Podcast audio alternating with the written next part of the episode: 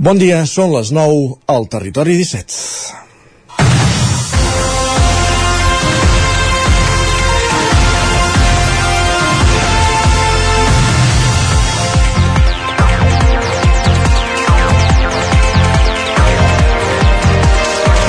El Banc Central Europeu i la Reserva Federal Alemanya han optat per acabar l'any sense tornar a pujar els tipus d'interès, que aquest any han assolit rècords històrics i algunes veus ja apuntaven que el 2024 començaria a reduir-se la inflació, no pas als, inicis, als primers compassos de l'any, però precisament.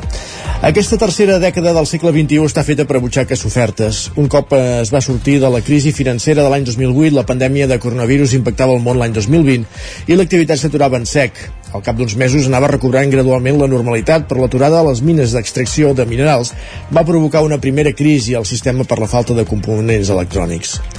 Després van venir els atacs de Rússia a Ucraïna, que van provocar una reducció de cereals i la tallada de l'aixeta del gas a Europa. Resultat, matèries primeres i energia en preus pels núvols. I tot anava repercutint a les butxaques dels consumidors. Quan a finals d'aquest any sembla que tot va tornant a to, tot i una sequera a nivell local sense precedents, es reprenen les hostilitats a la franja de Gaza i ara un grup xiita del Iemen, afí al poble palestí, ataca vaixells en la seva ruta pel canal de Suez. Occident s'està organitzant per combatre-ho, però ja hi ha vaixells que allarguen rutes i, en conseqüència, productes que arriben més tard i seran més cars. Entre aquests, el petroli. Aquesta tercera dècada del segle XXI sembla un hàmster a la roda. És dimecres 20 de desembre de 2023 en el moment de començar el Territori 17 a la sintonia d'Ona Codinenca, Ràdio Cardedeu, la veu de Sant Joan, Ràdio Vic, el 9 FM i també ens podeu veure com cada dia ja ho sabeu a través de Twitch, YouTube, Televisió de Cardedeu, el 9 TV i la xarxa més. Territori 17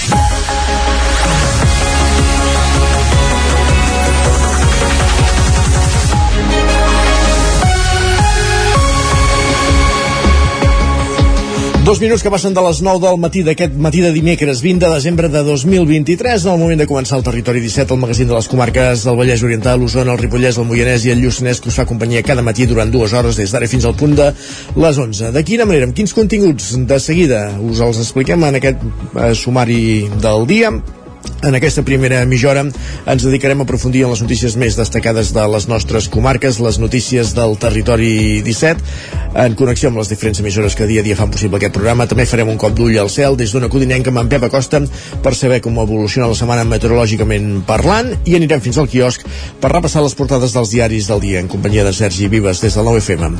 A partir de dos quarts de deu pugem al tren a la Trenc d'Alba amb l'Isaac Muntades recollint les cròniques dels oferts usuaris de la línia de tren Barcelona-Granollers Granollers, Vic, Ripoll, Puigcerdà, l'R3 i acte seguit a l'entrevista avui parlarem amb l'Arnau Torrent, el cap de colla dels, dels escaldats de la colla castellera de Caldes de Montbui en, en, en, en companyia d'en Roger Rams des d'Ona Codinenca. Acte seguit sortirem a l'exterior, eh, serà l'Enric Rubio des de Ràdio Televisió Cardedeu i a les 10 notícies la previsió del temps i els solidaris, avui la Laura Serrat conversa amb Laura Roquet, regidora de Vida Associativa i Participació Diputació de Viladrau. Serà a partir d'un quart d'onze del matí. A dos quarts ens endinsem a X, la xarxa social, abans Twitter, amb en Guillem Sánchez per repassar les pilades més destacades de les últimes hores i avui, com fem cada 15 dies els dimecres, ens acompanyarà també en Jordi Soler, l'Alegria Interior, l'espai que dediquem a conèixer-nos nosaltres mateixos interiorment amb sessions de, de PNL i conceptes que ens arriben des de, des de l'Orient la majoria de vegades, com dèiem, en companyia de Jordi Solem, per acabar el programa amb el Lletra Ferits, avui també des d'Ona Codinenca, en Roger Rams conversa amb Nona Arola, autora del llibre Alma Mahler, musa de la secessió a l'expressionisme un homenatge en aquesta dona, Alma Mahler. En parlarem, com dèiem, a la recta final del programa d'avui. El Lletra Ferits serà cap a tres quarts d'onze del matí. Tot això és el menú d'aquest matí de dimecres, 20 de desembre de 2023, i tot seguit ens posem a servir-lo. Eh, ja ho sabeu, comencem amb les notícies més destacades de les nostres comarques, el Vallès Oriental, Osona, el Ripollès, el Moianès i el Lluçanès, que no són altres que les notícies del Territori 17. Territori 17.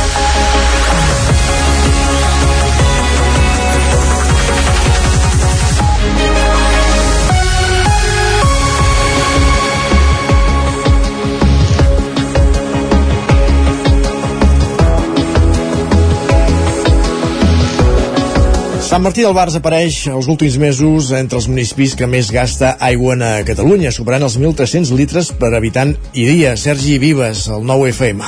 Així és, el factor que ho explica és la diferència entre els habitants del municipi 140 i l'alt volum de granges. Un cop separades les dades del consum humà i del ramader, s'ha constatat que el consum per habitant està per sota del màxim fixat en la situació d'excepcionalitat actual. Això ho explica l'alcalde del municipi, Ramon Padrós. Clar, nosaltres venim de l'activitat ramadera secularment, per tant el bestiar sempre hi ha sigut i no, no podem anar contra el bestiar. Uh, sí que estic una mica enfadat, entre cometes, perquè clar, si divideixes tot el volum de litres per 140 habitants que som 80 que es consideren d'estacionalitat clar, se't multiplica el consum humà però és que això no és cert és estadística jo crec que la, clar que tindrà sentit comú si som 140 habitants 140 exactament tenim molta ramaderia alimentem les ciutats donem feina crec que tindran sentit comú Padrós s'ha mostrat també optimista sobre la, el futur de la nova comarca del Lluçanès, en què diu hi ha bona sintonia política amb els diferents partits. Gràcies, Sergi. Més qüestions anem cap al Ripollès perquè l'Ajuntament de Ripoll renuncia a fer la xarxa de calor amb biomassa al polígon d'Estamariu. Isaac Muntades, la veu de Sant Joan. La xarxa de calor amb biomassa que s'havia d'instal·lar al carrer Eudal Pradell del polígon Estamariu de Ripoll, molt a prop del CAT de Can Guetes, no es farà, almenys de moment. L'equip de govern d'Aliança Catalana ha renunciat a una subvenció concedida pels fons Next Generation provinent d'Europa per un import de gairebé 680.000 euros i que permetria estalviar combustibles fòssils i emissió de diòxid de carboni. Tant el grup de Junts per Ripoll com el dels independents independents de Som i Ripoll van recordar que aquesta actuació prevista del consistori Ripollès havia estat un dels 23 projectes escollits dins l'estratègia Next Generation EU, xarxes de calor. El regidor independent, Joaquim Colomer, va apuntar que s'havia deixat perdre una subvenció molt important. Una xarxa de calor que el que pretenia doncs, era alimentar molts dels edificis públics i per tant generar un estalvi energètic eh, increïble, eh, un estalvi energètic i també doncs, una eficàcia amb sostenibilitat, funcionant doncs, energia renovable i per tant doncs, eh, amb amb PELEC d'un projecte que estava valorat amb 1.700.000 euros, però es va aconseguir una subvenció que venia per part de l'IDAE de 700 i, escaig 1.000 euros, més una altra subvenció de la Diputació de Girona de 80.000 euros. Per tant, d'un projecte d'un milió 700 teníem una subvenció d'uns 800.000 euros. Segons Colomer, amb aquesta xarxa de calor s'hauria pogut donar subministrament a equipaments municipals com el pavelló de la Vallaneda, l'Ajuntament, l'Església de Sant Pere, el Museu Etnogràfic i el Teatre Comtal. Colomer deia que això hauria permès renovar les velles instal·lacions que funcionen amb calderes i gasten gasoil, qualificant-les com un sistema no sostenible i anacrònic. L'alcaldessa Sílvia Oriol justificava així la decisió de no fer la xarxa de calor. Aquesta xarxa de calor no es podrà fer perquè la inversió que requereix és colossal. Sí que hi ha una subvenció, però que no cobreix amb prou feines ni la meitat de, del cost total i l'Ajuntament, evidentment, no pot assumir la resta de costos des d'intervenció. S'ha fet mans i mànigues per intentar doncs, lligar més d'una subvenció alhora per, per poder-ho fer, però no serà finalment possible. No està descartat del tot, però és, és gairebé impossible que puguem, que puguem tirar-ho endavant. Els números de l'alcaldessa diferien d'allò que havia dit Colomer, ja que assegurava que el projecte costava un milió d'euros i que el consistori només hi hauria de posar mig milió d'euros. Per tant, molt més assequible de la xifra aportada pel regidor. Més qüestions. Els habitatges socials d'ús temporal que té actualment l'Ajuntament de Torelló passaran a ser a partir d'ara pisos compartits. Aquest aspecte es va incloure la modificació del reglament que va aprovar per unanimitat al ple d'aquest dilluns, Sergi. Actualment el municipi té 15 habitatges socials que inclouen els que hi ha adquirit al carrer Besora amb la modificació de pressupost que es va fer al ple de novembre eh, segons la situació de cada persona o família i fan estades més o menys llargues, però es tracta d'un espai de pas. Ara hi ha eh, en què no s'ocupen no totes les habitacions i la voluntat és aprofitar els espais tenint en compte també la situació de cada inquili per facilitar la convivència. Això ho explicava la regidora de Benestar Social i Habitatge, Núria Montanyà. Els habitatges socials són un recurs temporal, tot i que hi ha moltes dificultats de sortida i ens costa que hi hagi rotació.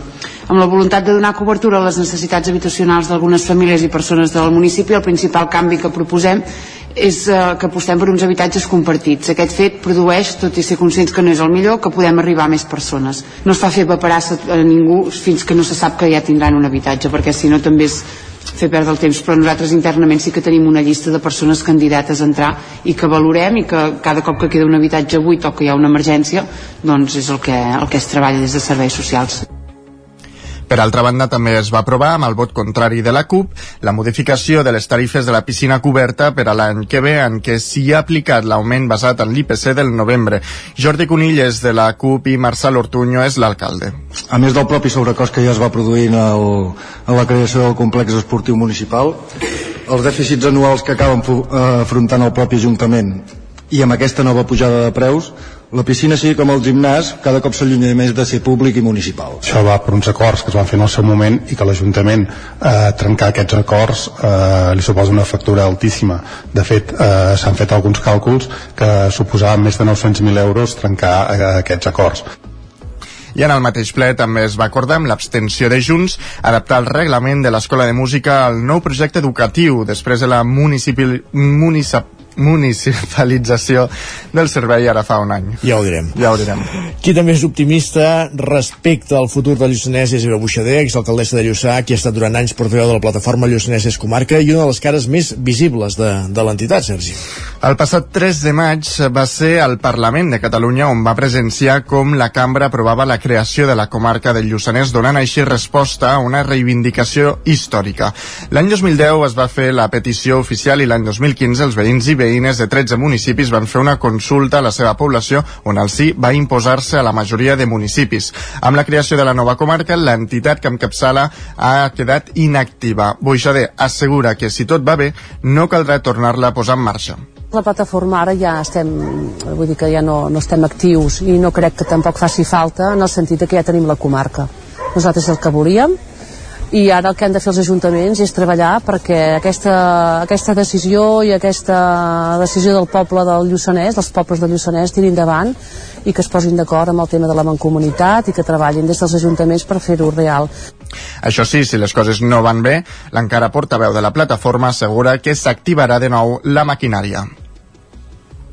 Més qüestions, un, obrim la plana d'actes de Nadal, els Pastorets és l'obra de teatre per excel·lència, representada arreu de Catalunya aquests dies, i partint de les obres més populars com la de Pitarro o la Folk i Torres, són molts els pobles que cada any decideixen crear-ne la seva pròpia versió. Entre ells entenc que Cardedeu, Enric Rubio, Ràdio Televisió Cardedeu.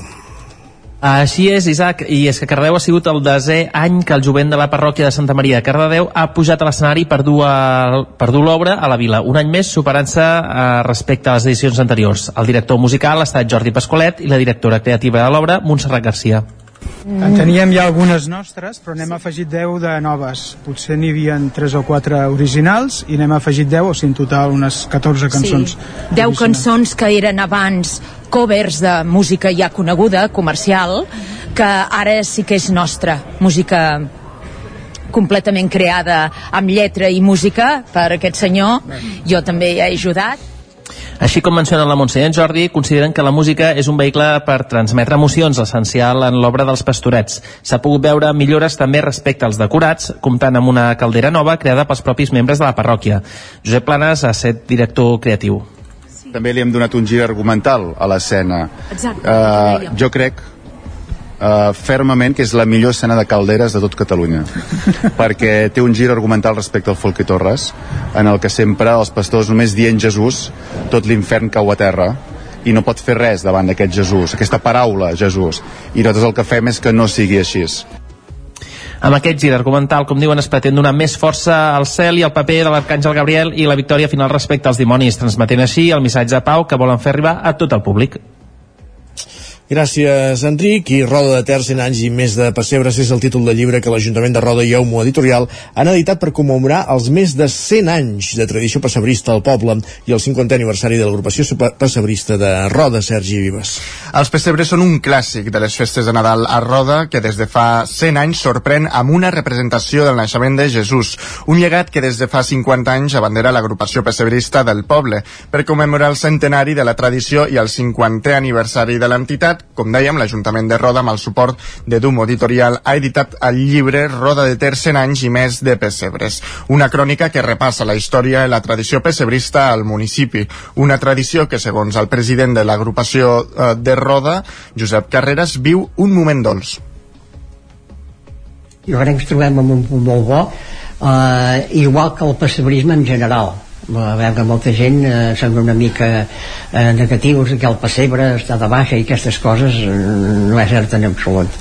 Nosaltres vàrem ser membres, membres fundadors de la federació l'any 85, que érem 12 membres i ara ja som 65-70 vol dir que el pessebre eh, està més viu que mai el llibre se centra en dos moments claus de la tradició pessebrista al municipi.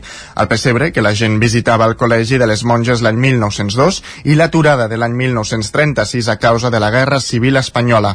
També es posa èmfasi en l'activitat de l'agrupació, un element clau que ha convertit Roda de Ter en referent dels pesse del pessebrisme a tot el país, segons el periodista Jordi Molet. De fet, és una, una agrupació que ha treballat molt els pessebres que ha innovat que en un moment determinat varen ser capaços de fer un diorama en moviment i que això els va posar diguem-ne en el centre del pessebrisme català.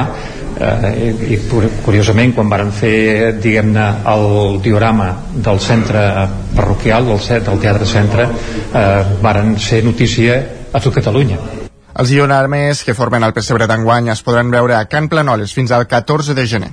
I l'Ajuntament de Vigues i Riells del FAI celebra la tercera edició dels Premis al Mèrit Esportiu Roger Rams, zona codinenca. Sí, exacte, uns guardons que s'entreguen a esportistes individuals del municipi que hagin aconseguit alguna fita destacable al llarg de l'any i que tenen una dotació econòmica que va des dels 1.500 i fins als 500 euros. El primer premi enguany ha estat per Víctor León, campió de Catalunya sub-20 de pista coberta de salt en perxa, subcampió de Catalunya i d'Espanya d'aire lliure i també semifinalista del Campionat d'Europa sub-20. El segon premi l'ha rebut Carlos Gámez, campió de la Copa d'Espanya de ciclocross, tercer d'Espanya amb la selecció catalana i participant del Campionat d'Espanya de Cross Country, mentre que el tercer premi ha estat per Marc Font, tercer classificat del Campionat d'Espanya en cursa en línia i subcampió d'Espanya en curses DKB. Com és habitual, també es va demanar a les entitats esportives de Vigues i Riells que seleccionessin una persona destacada d'enguany. D'aquesta manera, el consistori va poder fer entrega d'un obsequi a totes les entitats esportives del municipi, com és habitual, en reconeixement a la seva tasca i va atorgar un diploma sorpresa a les persones que van ser destacades.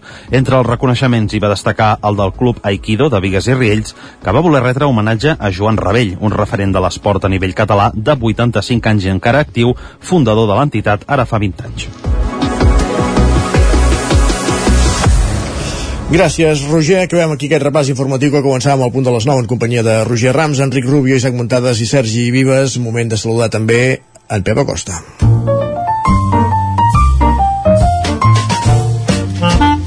Casa Terradellos us ofereix el temps. Moment d'abordar la previsió del temps, com sempre en companyia d'en Pep Acosta. Ona Codinenca, benvinguts, bon dia. Hola, molt bon dia. Últims dies de tardor, la tardor oficial, eh? Perquè jo sempre dic, per mi ja el desembre ja és hivern, per mi l'hivern és desembre, gener, febrer, però bueno, oficialment encara estem a la tardor, se'ns acaba la tardor també, se'ns acaba l'any, se'ns van acabant moltes coses. La tardor eh, segur que serà de les més seques i de les més càlides dels últims anys també. Eh, bueno, anem passant aquesta situació eh, tan anòmala, tan perillosa i tan crítica. Van passar els dies, van passant uh, les setmanes i no hi ha manera que canvi la cosa. I el més preocupant no es veu és que cap senyal de, de canvi no es veu cap novetat eh? està tot molt molt parat eh, molt molt preocupant eh, tot plegat.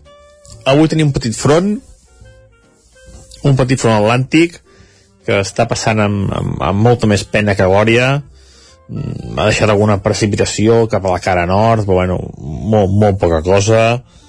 Uh, a les dues comarques uh, gairebé ni es notarà.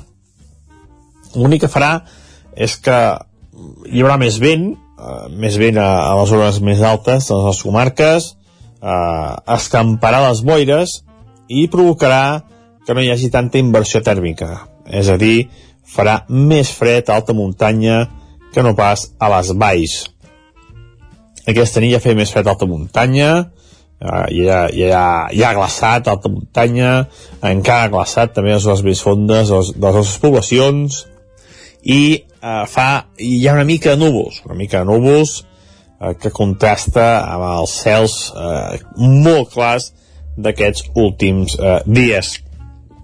De cara a la tarda, per això, aquest front ja gairebé haurà marxat, ja serà història, no ha deixat pluja, no ha deixat eh, cap nevada important, però sí que haurà deixat una mica d'entrada vent de nord, que farà baixar les temperatures, sota les màximes a les zones on no hi ha boira, eh? a les zones on, on no hi ha boira, que ahir van tenir un, un dia eh, molt agradable, amb temperatures moltes màximes de 15-18 graus, avui seran una mica més baixes.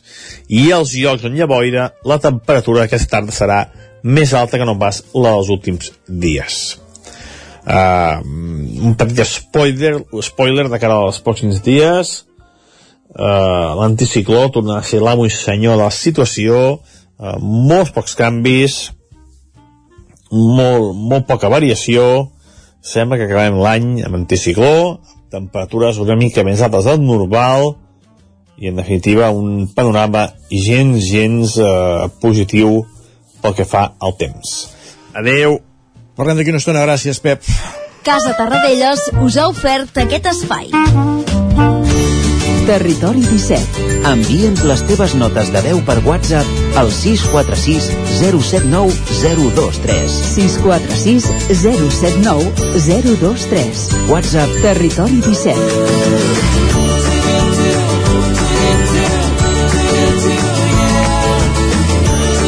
Territori 17. Som a Facebook, Twitter i Instagram amb l'usuari Territori 17.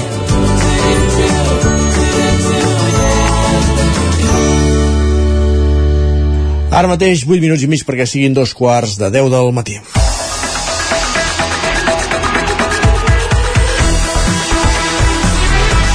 I a aquesta hora és moment d'anar al quiosc amb en Sergi Vives per repassar quines són les portades dels diaris del dia. Sergi, per on comencem avui? Així és, doncs va, començarem pel punt avui, que encapça la portada amb el titular La veu dels experts. Expliquen que la Cimera d'Educació acorda crear una comissió que proposi mesures per reforçar l'escola. Diuen que docents, directors, inspecció i entitats pedagògiques lideraran el treball de diagnosi i mesures. També diuen que Som Escola desmenteix les falsedats de la immersió davant la comissió de l'Eurocambra.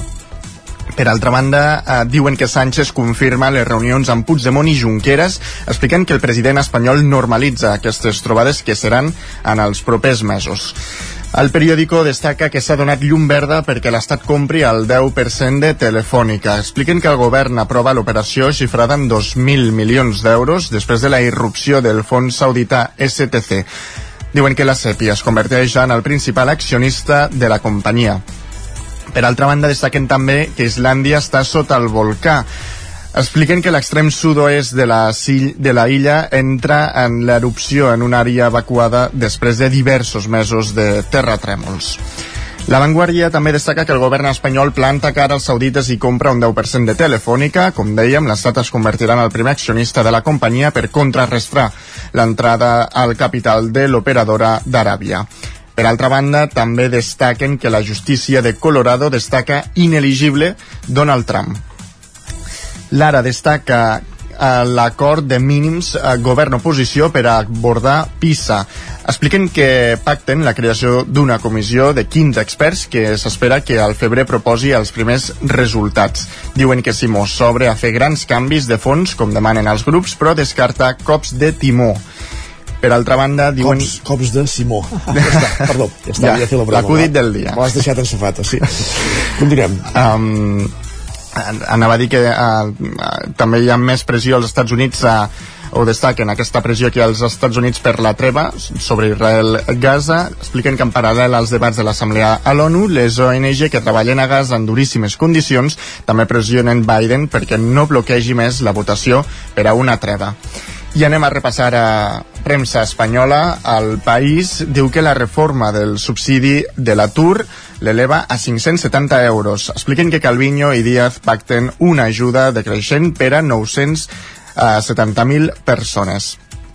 Per altra banda, Estats Units eh, diuen busca aliats contra els atacs de vaixells en el Mar, en el mar Roig. Expliquen que els rebels eh, iemeïns justifiquen les seves accions com a resposta a l'ofensiva israelí a Gaza. L'ABC eh, diu que la Generalitat coacciona els centres en la visita de la missió europea. Expliquen que envia representants de l'administració a la reunió que els eurodiputats en, que avaluen la immersió lingüística a Catalunya havien concertat amb els docents. El Mundo diu que eh, Sánchez dona un cop de mà telefònica davant Aràbia Saudí, expliquen que el govern anuncia que la CEPI podrà comprar fins al 10% del capital per fer-se el màxim accionista. Diuen que el paquet donaria dret a l'Estat com a mínim a un conseller que se suma al que ja té a CaixaBank. Per altra banda, diuen que els alumnes catalans mostren el major rebuig per a l'escola. Expliquen que la immersió de la llengua, l'augment de la immigració i el malestar docent amb la Generalitat són les hipòtesis que explicarien la caiguda de Pisa. Jo el que em pregunto és si Catalunya és l'única comunitat autònoma que sempre estan parlant sobre nosaltres. De fet, està a la cua d'Espanya, de, això és cert. Però vaja, sí. si més no pel que fa al PISA, no, però, però la, la dèria que tenen a Madrid, els diaris de Madrid amb Catalunya ja sabem que la que és. Eh... Acabem amb la Razón. Sí que ens diu que Feijó anirà a Moncloa per parlar d'amnistia i Puigdemont, com no, expliquen que els dirigents nacionals i territorials l'insten a resoldre ja la problemàtica entre acudir o negar-se a ser instrumentalitzat. Expli també diuen que el primer pas és treure-li la iniciativa al líder socialista i remetre un ordre del dia amb les exigències dels populars. I jo em pregunto, quin problema hi ha que dues persones parlin? Lo diré para que me entiendan. ¿Qué problema hay? Que, pot parlar mal Puigdemont. En que dos persones hablen, en fi. Ah. Gràcies, Sergi. Repassem digitals a l'edició del 99.cat d'Osona i el Ripollès i el Lluçanès, Osona, el Ripollès i el Lluçanès. Doncs mira, ens expliquen que Castellterçol canvia el gasoll per biomassa als edificis municipals. Vaja, vaja una notícia del Moianès, una comarca que sí. no havíem dit. I la del Vallès Oriental? Uh, ens expliquen que l'Institut Marta Estrada de Granollers homenatge al professor Jordi Domènech, que va morir al maig. Perfectíssim, moltíssimes gràcies, Sergi. A tu. I nosaltres el que fem tot seguit és una petita pausa aquí al territori 17, però tornem de seguida, eh, pugem al tren, a la Trenc d'Alba amb l'Isaac Muntades, recollint les cròniques dels usuaris de la línia R3, i després eh, l'entrevista eh, des de Ona Continenca amb en Roger Rams per parlar amb el cap de colla de la colla castellera dels escaldats de Caldes de Montbui, Arnau Torrent. Tot d'aquí 3 minuts, fins ara mateix. El nou FM Ràdio de casa al 92.8. Situat en un entorn immillorable, envoltat de natura, a l'hostal restaurant La Guineu tenim la brasa encesa tot el dia per esmorzar, dinar o sopar a la fresca. Ja tenim a punt les opcions de menús d'empresa i per les festes de Nadal, Sant Esteve o Cap d'Any. Estem especialitzats en opcions vegetarianes. Hostal La Guineu. Ens trobareu a l'urbanització Les Guilleries de Viladrau. Obrim tots els dies. M'encanta regalar llibres de la llibreria Mater. Tenen novel·les que et fan viatjar a mons desconeguts, poesia que et fa sentir cada paraula, assaig que et fan reflexionar i contes infantils que fan volar la imaginació dels més petits. M'agrada regalar agendes, quaderns, bolígrafs i calendaris de la llibreria Mater. Si busques un regal original, no busquis més. Tenen una àmplia selecció de regals de papereria que segur que els encantarà. Llibreria i papereria Mater, seleccionant el que farà feliç als teus des de 1957. Pla de Balanyà 23 de Vic. Per moure't, lloga un cotxe ALR. Per moure la família, lloga un minibús ALR. Per moure coses, lloga una furgoneta ALR. Per moure la casa, lloga un camió ALR. Lloguer de cotxes, furgonetes i camions ALR. Ens trobaràs al carrer Francesc Sant Climent 83 de Vic i també a Olot i Manresa. Informa't en el 93 888 60 57 o bé consulta el web alr.cat. Menja ràpid, menja fàcil, trinxat de les Cerdanyes diu Carlit. Mmm, boníssim! Trinxat Carlit, 100% natural, fet cada dia a Puigcerdà i a punt en un minut. Encara et preguntes què t'emportaràs a la feina o a la uni per dinar? El trinxat de les Cerdanyes diu Carlit. Per a qui seria perfecte aquest piano de juguetos? Per a nens que donin la nota. I aquest maletí de pintura? Els que volen pintar alguna cosa a la vida. Jugar és viure. I viure és jugar. Vine a la teva botiga Juguetos i emporta't el catàleg de Nadal. Juguetos. Queda molt per jugar. Juguetos. Amb Pradell estalvio energia i cuido la meva butxaca i el medi ambient. Posa't en mans de Pradell. Són experts en calderes de gas de condensació, estufes de pèl·let, energia solar, terres radiants i aerotèrmia.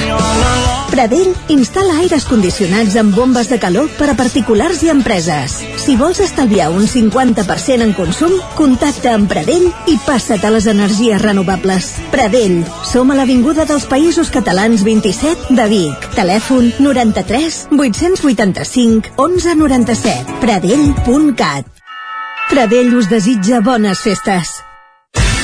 El nou FM, la ràdio de casa, al 92.8.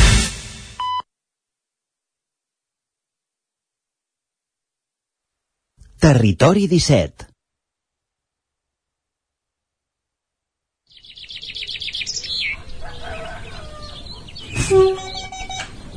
A Tren d'Alba.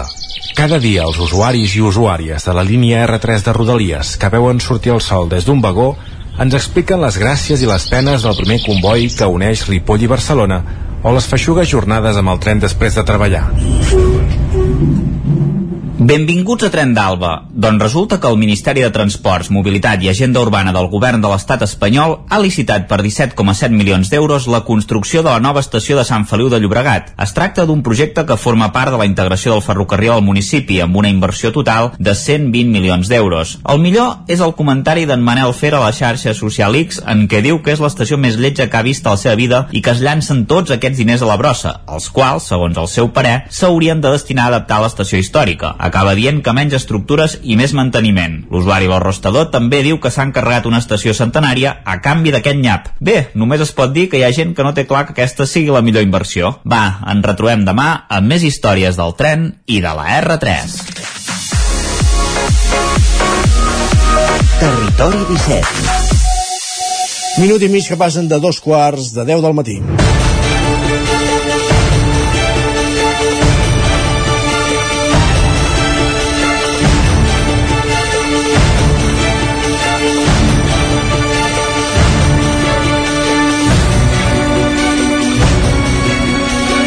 Avui a l'entrevista anem cap a una codinenca per parlar de castells, i és que la colla castellera de Caldes de Montbui, els escaldats, després de tancar una de les millors temporades castelleres de la colla, aquests dies estan aprofitant l'aturada hivernal per dur a terme un, tot un seguit Uh, la primera escola de castells, volem dir, perdó, una iniciativa la qual volem conèixer tot seguit a banda de fer balanç de la temporada i parlar també del futur de la colla. Per això, eh, abans que res, saludem eh, el nostre company en els estudis d'Ona Codinenca, en Roger Rams. Benvingut, Roger, bon dia. Hola, bon dia, què tal? Com estàs? Uh, perfecte, doncs avui aquí uh, a punt ja per parlar de castells. És per això que a aquesta hora del matí, com deies, podem saludar el sots cap de colla de la colla dels escaldats de Caldes de Montbui, Arnau Torrent. Uh, benvingut, bon dia. Bon dia, gràcies. Gràcies, Arnau. Uh, Primer de tot, eh, començarem per les eh, valoracions. En aquesta conversa abordarem el tema de l'Escola de Castells i també parlarem de futur, però primer comencem per les valoracions perquè la temporada castellera ha acabat fa tot just unes jornades i, eh, com a sots cap de colla dels escaldats, t'haig de demanar com valores aquesta temporada de la colla. Doncs, eh, bé, com, com bé dèieu, la, la veritat és que ha sigut un, un molt bon any i, i jo crec que hem, hem assolit prou bé tots els objectius i en, estem molt contents perquè hem pogut recuperar castells que feia sis anys que no fèiem, com el 3 de 7 amb Agulla, i, i bueno, eh, ha estat, ha estat eh, una molt bona temporada.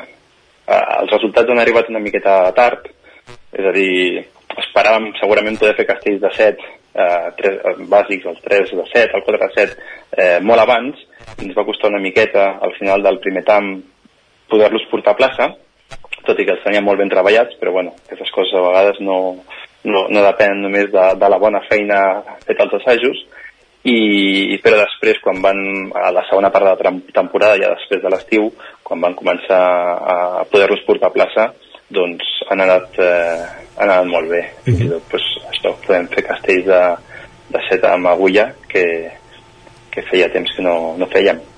Uh, la pandèmia evidentment ha suposat un sotrac per, per moltes activitats, també pels, pels castells.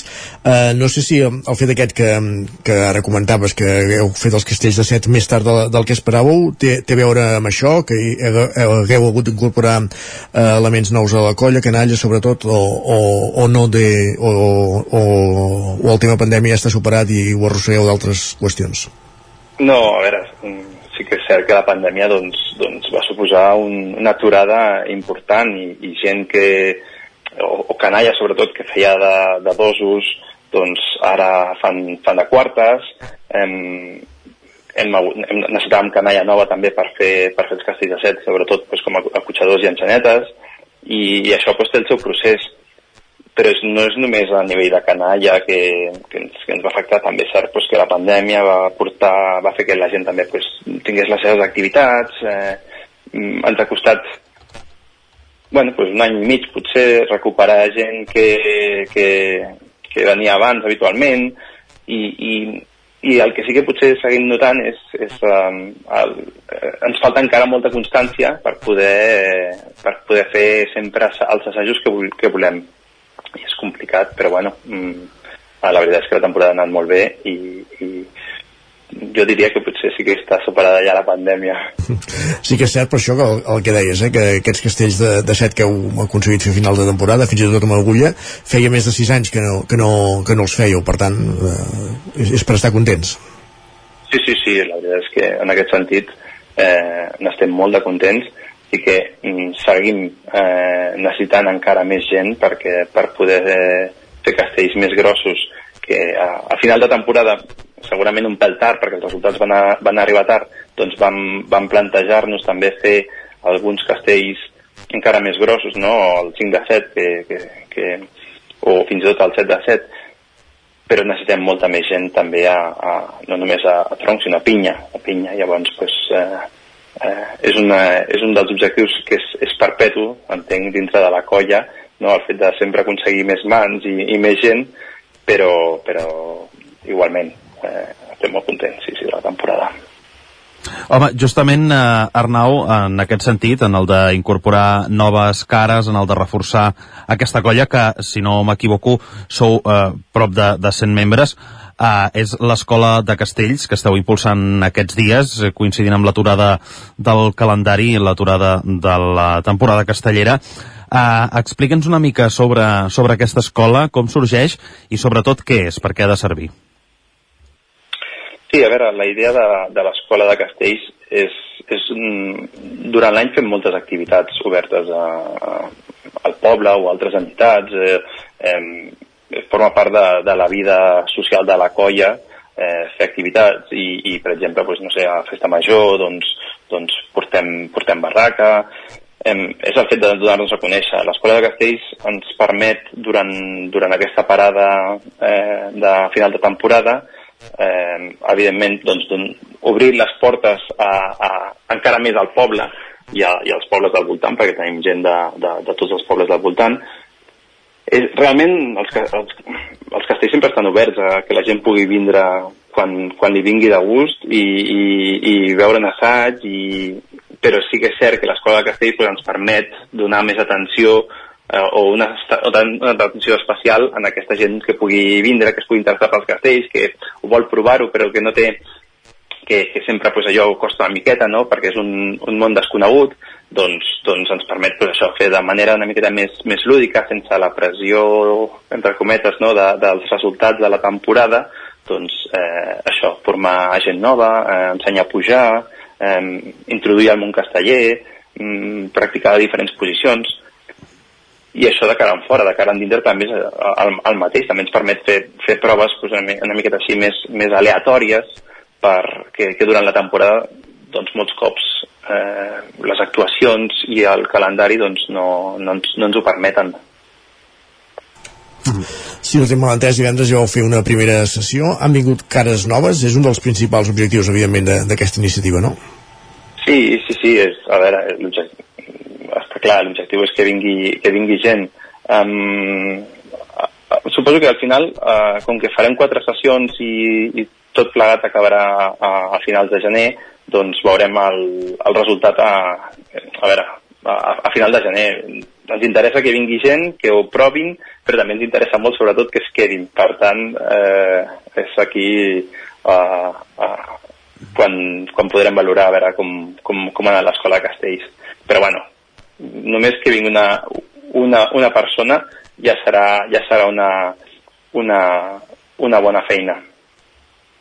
Ara comentaves, Arnau, eh, el fet de que aquesta temporada s'ha pogut fer un salt qualitatiu pel que fa als castells, sobretot amb la gamma de set.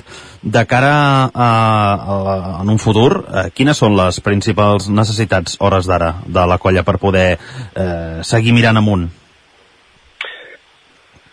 Doncs, doncs um, jo, jo diria que, com he comentat abans, una miqueta, el, un, necessitem més mans per tindre pinyes eh, ben, o sigui, ben grosses per poder fer eh, els castells, eh, per poder portar castells més grossos a plaça.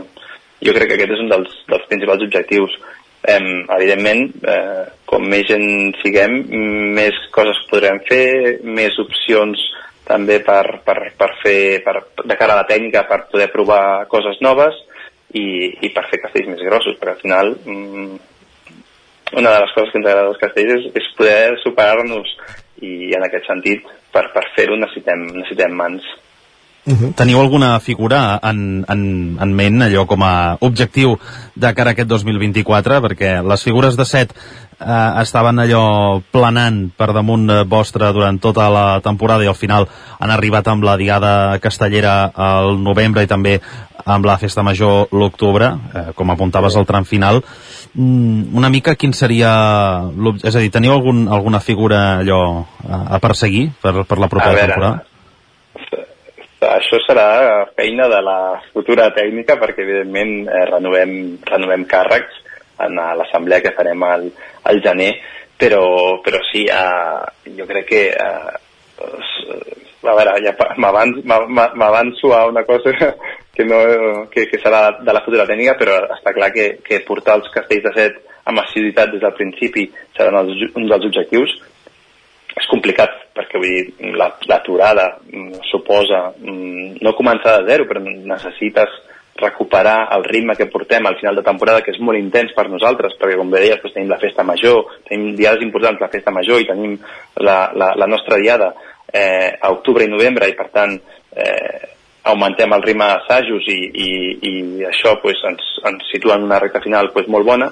I al principi de temporada pues, sempre costa una miqueta. Doncs si podem ja portar des del principi castells de set que ens permeti després fer castells de, set amb agulla mm, durant el primer tram això ens obre la porta, doncs, eh, com deia abans, doncs, castells de set més grans, eh, 5 de 7, 7 de 7, i, i, i bueno, mm, seguir assajant, eh, és cert que durant el segon tram de temporada vam estar assajant eh, 4 de 8, eh, 4 de 7 net, i, i, però bueno, això ja és una cosa, com deia, eh, de la tècnica.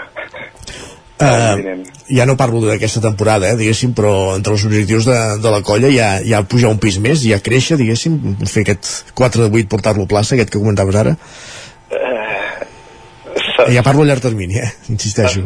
Sí, sí, jo crec que sí. Vull dir, L'objectiu sempre és anar creixent. Eh, des, de, des de que vam fer el salt a Castells de Set, doncs eh, em, crec que en general la idea és sempre poder créixer per poder fer castells més grans i això pues, eh, a la, com, a- com a castellers pues, ens agrada i ens motiva i, i, i, en, i això en, fa que la gent pues, estigui, eh, vingui més i és, és un cercle, no? és una roda que s'alimenta, llavors eh, jo crec que, mm, és a dir, tot va en funció de com vagi no, la temporada, però eh, sí, ens hem de posar objectius ambiciosos eh, per, per, per, per treballar-hi.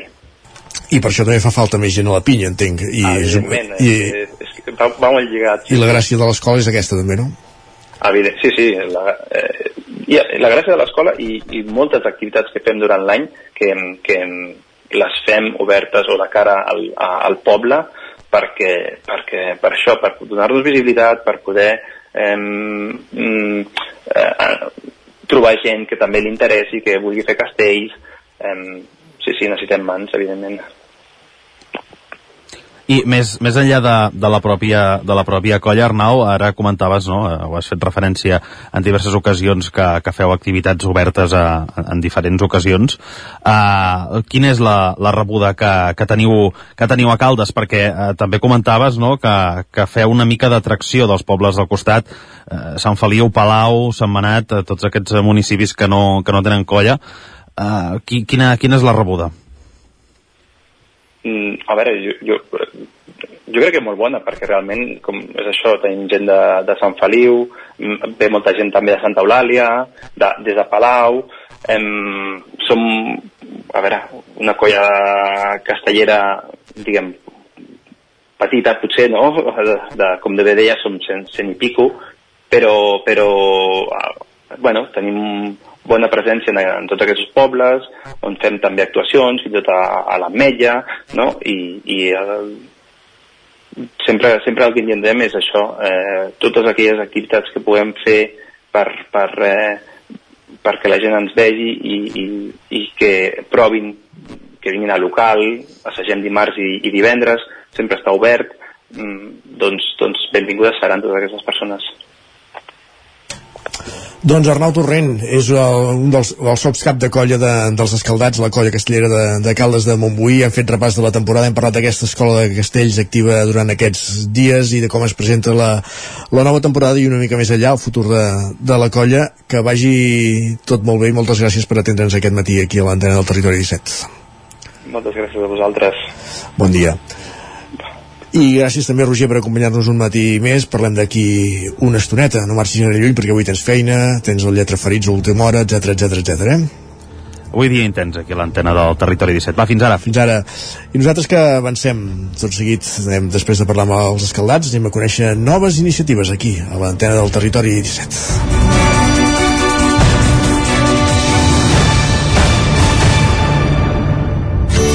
Territori 17. Envia'ns les teves notes de veu per WhatsApp al 646 079 023. 646 079 023. WhatsApp Territori 17.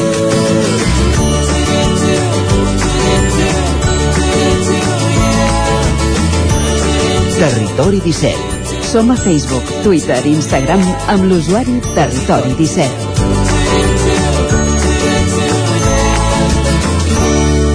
Un minut i mig que passen de 3 quarts d'11 de 10 del matí. Volem anar molt ràpids.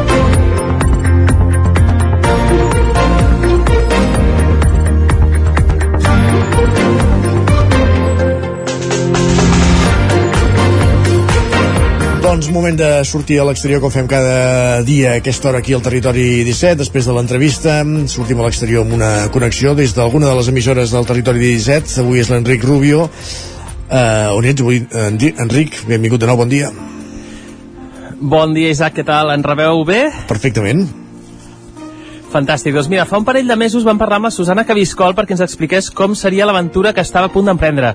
Creuar l'Atlàntic en catamarà. No sé si ho recordeu, així que avui no hem gaire lluny, només hem canviat l'edifici. Sé que hem hagut de córrer una mica, però la tenim aquí al costat, a la tele, i tot i que fa just tres dies que ha arribat de Santa Lucía al Carib, volem que ens expliqui com ha anat tot. Bon dia, Susana. Moltes gràcies per estar un cop més aquí al Territori 17 Sabem que el coneixes molt i molt bé, esperem que ja no estiguis, uh, ja no tinguis jet lag. Et deixo contestar tu mentre jo agafo aire. Ah, bon dia, Enric. Uh, doncs bé, bé, la veritat és que bueno, estic molt bé, ha estat una experiència increïble i la veritat és que bueno, m'està gustant una mica adaptar-me perquè he vingut d'un mes estant molt, molt calmada, molt relaxada, no? sense gaires preocupacions i ara de cop començo aquesta setmana un altre cop la feina, per sort a divendres ja tornem a agafar vacances. Sí, no ens fa pena, eh? Li queda una setmaneta, més una setmaneta, tres dies. Explica'ns, pels que no recordin l'última entrevista que et van fer, en què consistia aquesta aventura? Doncs eh, consistia en bueno, anar-me'n fins a Gran Canària no? i allà pujar-me a un catamarà d'una família noruega i creuar l'Atlàntic durant 22 dies, eren de 18 a 22, finalment van ser 22, uh, creuar l'Atlàntic durant 22 dies per acabar a la illa de Santa Lucía, uh, que és una illa del Carib. Uh, Recorda'ns també uh, aquesta família, de quina forma viatjava, és a dir, com, com era el seu modus de, de vida, no? que potser és una de les parts més característiques d'aquesta empresa. Sí, aquesta, bé, aquesta família, de fet, fa un any i mig que està vivint en aquest catamarà, no? s'ho van, van vendre tot, van canviar completament uh, l'estil de vida que tenien i, i fins ara havien estat fent eh, el Mediterrani. Aleshores, eh, les nenes tenen dues nenes de 7 i 8 anys, estudien a bord, estudien al vaixell, són els pares els que els hi fan les classes, eh, etc. No? I ells el, el, el seu dia a dia és eh, bàsicament doncs, mm, o sigui, fer el manteniment de, de l'embarcació, no? que sempre requereix un, un manteniment constant i diari, perquè, òbviament, com fan un ús no? 24 a 7, doncs les coses s'espatllen de manera més habitual, um, i després doncs, fabricar aigua, no? fer aigua potable amb aigua del mar, etc. Uh, finalment, uh, l'aventura, l'experiència està com l'imaginaves o ha distat molt de, de, de potser la idea que tenies preconcebuda? Si és que en tenies alguna. Mm, aviam, sí que ha estat una mica com la imaginava, però també és cert que jo m'esperava una mica més d'emoció. És a dir, ha estat un viatge molt tranquil, no ha passat res excepcional. Aquí tothom patia, però ella volia tralla, eh? Sí que és cert que un cop no, el, el, el pare, no, Landers, va haver de, de llançar-se a l'aigua per comprovar si estava tot bé, perquè se'ns va enganxar com un, una corda no, a, a la del, del catamarà i, bueno, però finalment, vull dir, no, no, no era res i no, no va haver-hi més, més emoció. Quin ha estat el major hàndicap de la travessa, si és que n'hi ha hagut algun? Ens comentaves eh, aquest cas de l'Anders. Eh, en el teu cas, ha hagut potser alguna, algun fet que recordis com ai, que va passar això? Um, realment no, sí que tinc com molts... És a dir, no hi ha res que em digui que, que, que em fes pensar com ai, ai, Mm, Els primers dies potser alguna de mareig o...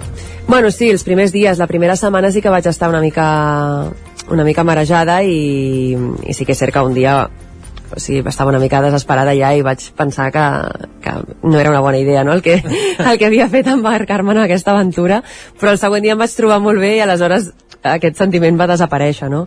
i després tots els dies ja van anar millor recordem que les persones que fan aquest tipus de travessa, ja sigui Atlàntic, Pacífic o coses d'aquest caire, eh, el rescat, l'assistència o el contacte amb algú, podem comentar en cas que passi alguna cosa, no sé que tinguis vaixells a l'hora, si hagués de ser un rescat, estem parlant no d'hores, sinó de dies eh, per poder arribar al punt, és a dir, estan realment eh, fins a cert punt desemparats, no? Sí que hi ha gent preparada, però, però estàs allà enmig i, i depens de tu mateix en aquest cas.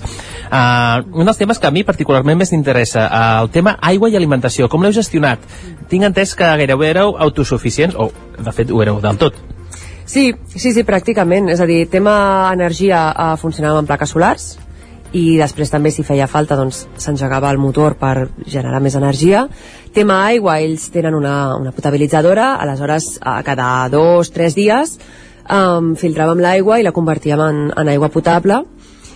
I tema menjar, la veritat és que els dies que vam estar allà a Gran Canària vam fer bastanta, bastanta compra. Sí que vam comprar molt pasta, arròs, o sigui, coses seques. Seques, no? Que puguin- Ah, exacte. I després pesca, van pescar i ells, la veritat és que ho tenen tot molt ben muntat perquè inclús tenen una, una màquina per envasar el buit eh, vull dir, una panificadora mm, o sigui, tenen tot com si estiguessis a, a casa o fins i tot més, de fet I el tema aigua, ara que estem amb aquesta problemàtica, no?, i que aquí doncs, es parla de vaixells, de portar dipòsits i tot, eh, com era l'aigua desalificada, no?, en aquest cas, eh, era, era bona realment, veu, o era un tema que dius, ostres, sí que és a nivell de supervivència, però és que realment gairebé no es pot veure. No, no, jo no vaig notar la diferència, o sigui, per mi era aigua boníssima. I després la gent d'aquí se'ns queixa de l'aigua de l'aixeta, senyors i senyors. Sí, sí, déu nhi I el tema, bueno, veu pescar, ens comentes, eh, què veu pescar? Sí, vam pescar com 7 o 8 moji-mojis, que són uns peixos... Que no és un sushi preparat, encara que us sembli pel nom? No, eh, són uns peixos bast... bueno, els que vam agafar nosaltres eren bastant de mida bastant grandeta uh, de color verd, així, blavós molt bonics, la veritat, i molt bons també Um, quin ha estat el teu paper dins de la tripulació, ja que tu no anaves com una simple passatgera, sinó que la gent que doncs, busca també um, altres persones per fer aquest creuament és perquè usen tripulació precisament per, per fer doncs, certes tasques, ja que ells sols doncs, possiblement no podrien o seria molt més difícil. Sí, aviam, la, la idea principal era com ells participaven amb, amb la ARC, no? que és la que organitza aquesta, aquesta regata, a ells els obligaven a tenir uh, tripulació. No pots participar en aquesta regata sense tripulació. També és cert que sent dues persones i 22 dies, si has de fer guàrdies, mm, o sigui, és perillós perquè no acabes de, de descansar del tot. Nosaltres érem quatre persones que fèiem guàrdies um, i aleshores a mi em tocava, per exemple, des de les 6 del matí fins a les 9 del matí Eh, a part de Un bon les- moment, eh? Una sortida de sol. Sí, sí, cada dia veia la sortida de sol, que era meravellós. Um, a part de les guàrdies, um, després també teníem com unes tasques repartides, que eren fregar els plats, no? O sigui, la, la Heidi, no? la, la mare, ella s'encarregava de la cuina, perquè ella és xef i li, i li apassiona cuinar, aleshores ella s'encarregava de, de fer tots els àpats, i la resta ens encarregàvem de fregar i de recollir pues, durant el dinar o durant el sopar i després a part també havíem de fer com una classificació dels residus. Um, tema plàstic intentàvem retallar el, el més petit possible tots els, tots els envasos i, i ficar-los en un com en un container que teníem petit. I després orgànica tot anava, tot anava al mar. A cartró eh, s'havia de separar també i les llaunes també. És a dir, no es recicla com aquí um, però bueno, sí que havíem de fer com separació de, de residus A més, pautat des de la regata, o sigui que realment bé, com a mínim, hi havia doncs, aquesta conscienciació, no?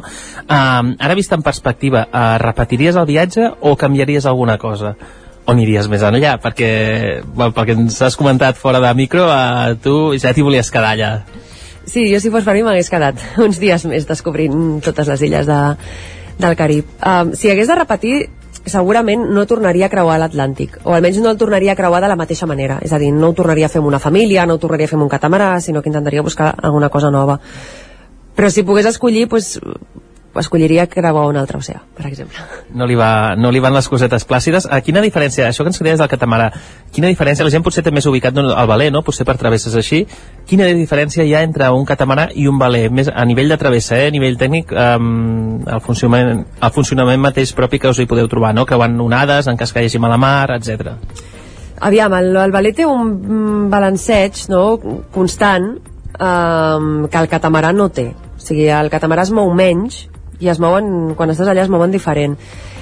Mm, I després apareix la comoditat, perquè un catamarà sí que pensa que en el que nosaltres anàvem eren quatre camarots, quatre lavabos, una cuina menjador i després un altre menjador a fora i després a la, a la pro, a la part del davant tenies molt més espai per estirar-te per men menjar, o sigui, per fer el que vulguis aleshores, clar, això en un valer no ho trobes, o sigui, no tens una, una part de banyera, no?, de, de poder estar assegut a fora amb una taula, menjant, xerrant no tens tant, tant espai aleshores, bàsicament ha estat la comoditat Realment espectacular això que ens comenta perquè estem parlant de que era un vaixell que feia a 16 metres no? de, de, de, de llarg, no? Sí, 16 metres d'eslora i 8 de, de màniga, 8 d'ample. I bastants més metres que, que les cases de moltes persones, perquè estem parlant d'un centenar llarg de metres, a més, útils i habitables, perquè, com es comentes, hi havia un parell de, de, de sales inclús, i, bueno, teníeu forn, teníeu rentavaixelles, teníeu... Sí, sí, teníem forn, teníem rentavaixelles, teníem rentadora, o sigui, de fet vam posar la rentadora allà uns quants dies, no?, per anar fent la, bugada de, de tots plegats, i inclús fabricàvem aigua també per netejar el mateix vaixell perquè sí que és cert que les, uh, les politges no? les, les cornamuses diferents coses de, del vaixell que necessiten aquest manteniment uh, i que s'havien d'anar netejant també no? I ara la família, la família que s'ha quedat allà, eh, què, què té previst? Perquè, clar, viuen amb les dues eh, nenes no? allà, però escolaritzen a, en el mateix lloc, no? en, el, en el vaixell ells mateixos, però què, què se'ls hi preveu ara a la vida endavant? Doncs ara ells el que tenien previst, primer de tot, era passar Nadal a, a una illa eh, d'allà del Carib, que es veu que van, hi ha molta comunitat noruega que passa allà al Nadal, a una platja, i després la seva idea era estar uns sis mesos descobrint el Carib i les seves illes, i, i bueno, des, també volien fer a veure si, si, si poden, no? perquè també, clar, això depèn molt de les, de les nenes també. Uh, la idea era anar-se'n fins, a, fins a Panamà, creuar el, el canal de Panamà i després creuar l'oceà Pacífic, o sigui, anar fins a la Polinèsia francesa i després ja cap a l'altra banda que no és poca cosa. Déu-n'hi-do, déu nhi déu Isaac, no sé si tens algun dubte o si No, no, es més pot que, plantejar més que dubte, enveja sana, ara mateix. Sí, Però, Mira, escolta, pels metres que ens ha dit Isaac, estic segur Sí. que amb alguna motxileta wifi així podem fer un T17, eh? Així amb, També, segur, sí. Bueno, de fet nosaltres teníem internet Imagina't. És a dir, no, no el podíem fer servir cada, cada dia perquè es pagava diguéssim per gigas però anàvem amb l'Starlink i estàvem connectats realment el senyor Elon Musk, i tant. Doncs ja ho veieu, realment ha estat una experiència que ens ha tocat molt de prop, no?, perquè com sabeu és col·laboradora d'aquesta casa, i res, eh, esperar a veure quina és la seva propera aventura. aviam. Doncs eh, gràcies per tot plegat, Enric, per portar-nos avui l'antena a l'experiència de, de la Susana. Enhorabona, Susana, eh, per, per aquesta experiència i, i fins la propera. Gràcies. Nosaltres que avancem aquí al territori 17 arribarem al punt de les 10 com ens agrada amb música. Mara és la cançó Mama és la cançó que Gina està en companyia de la seva germana Mayo dediquen a, a la mare i a totes les mares del món amb ells fins a les 10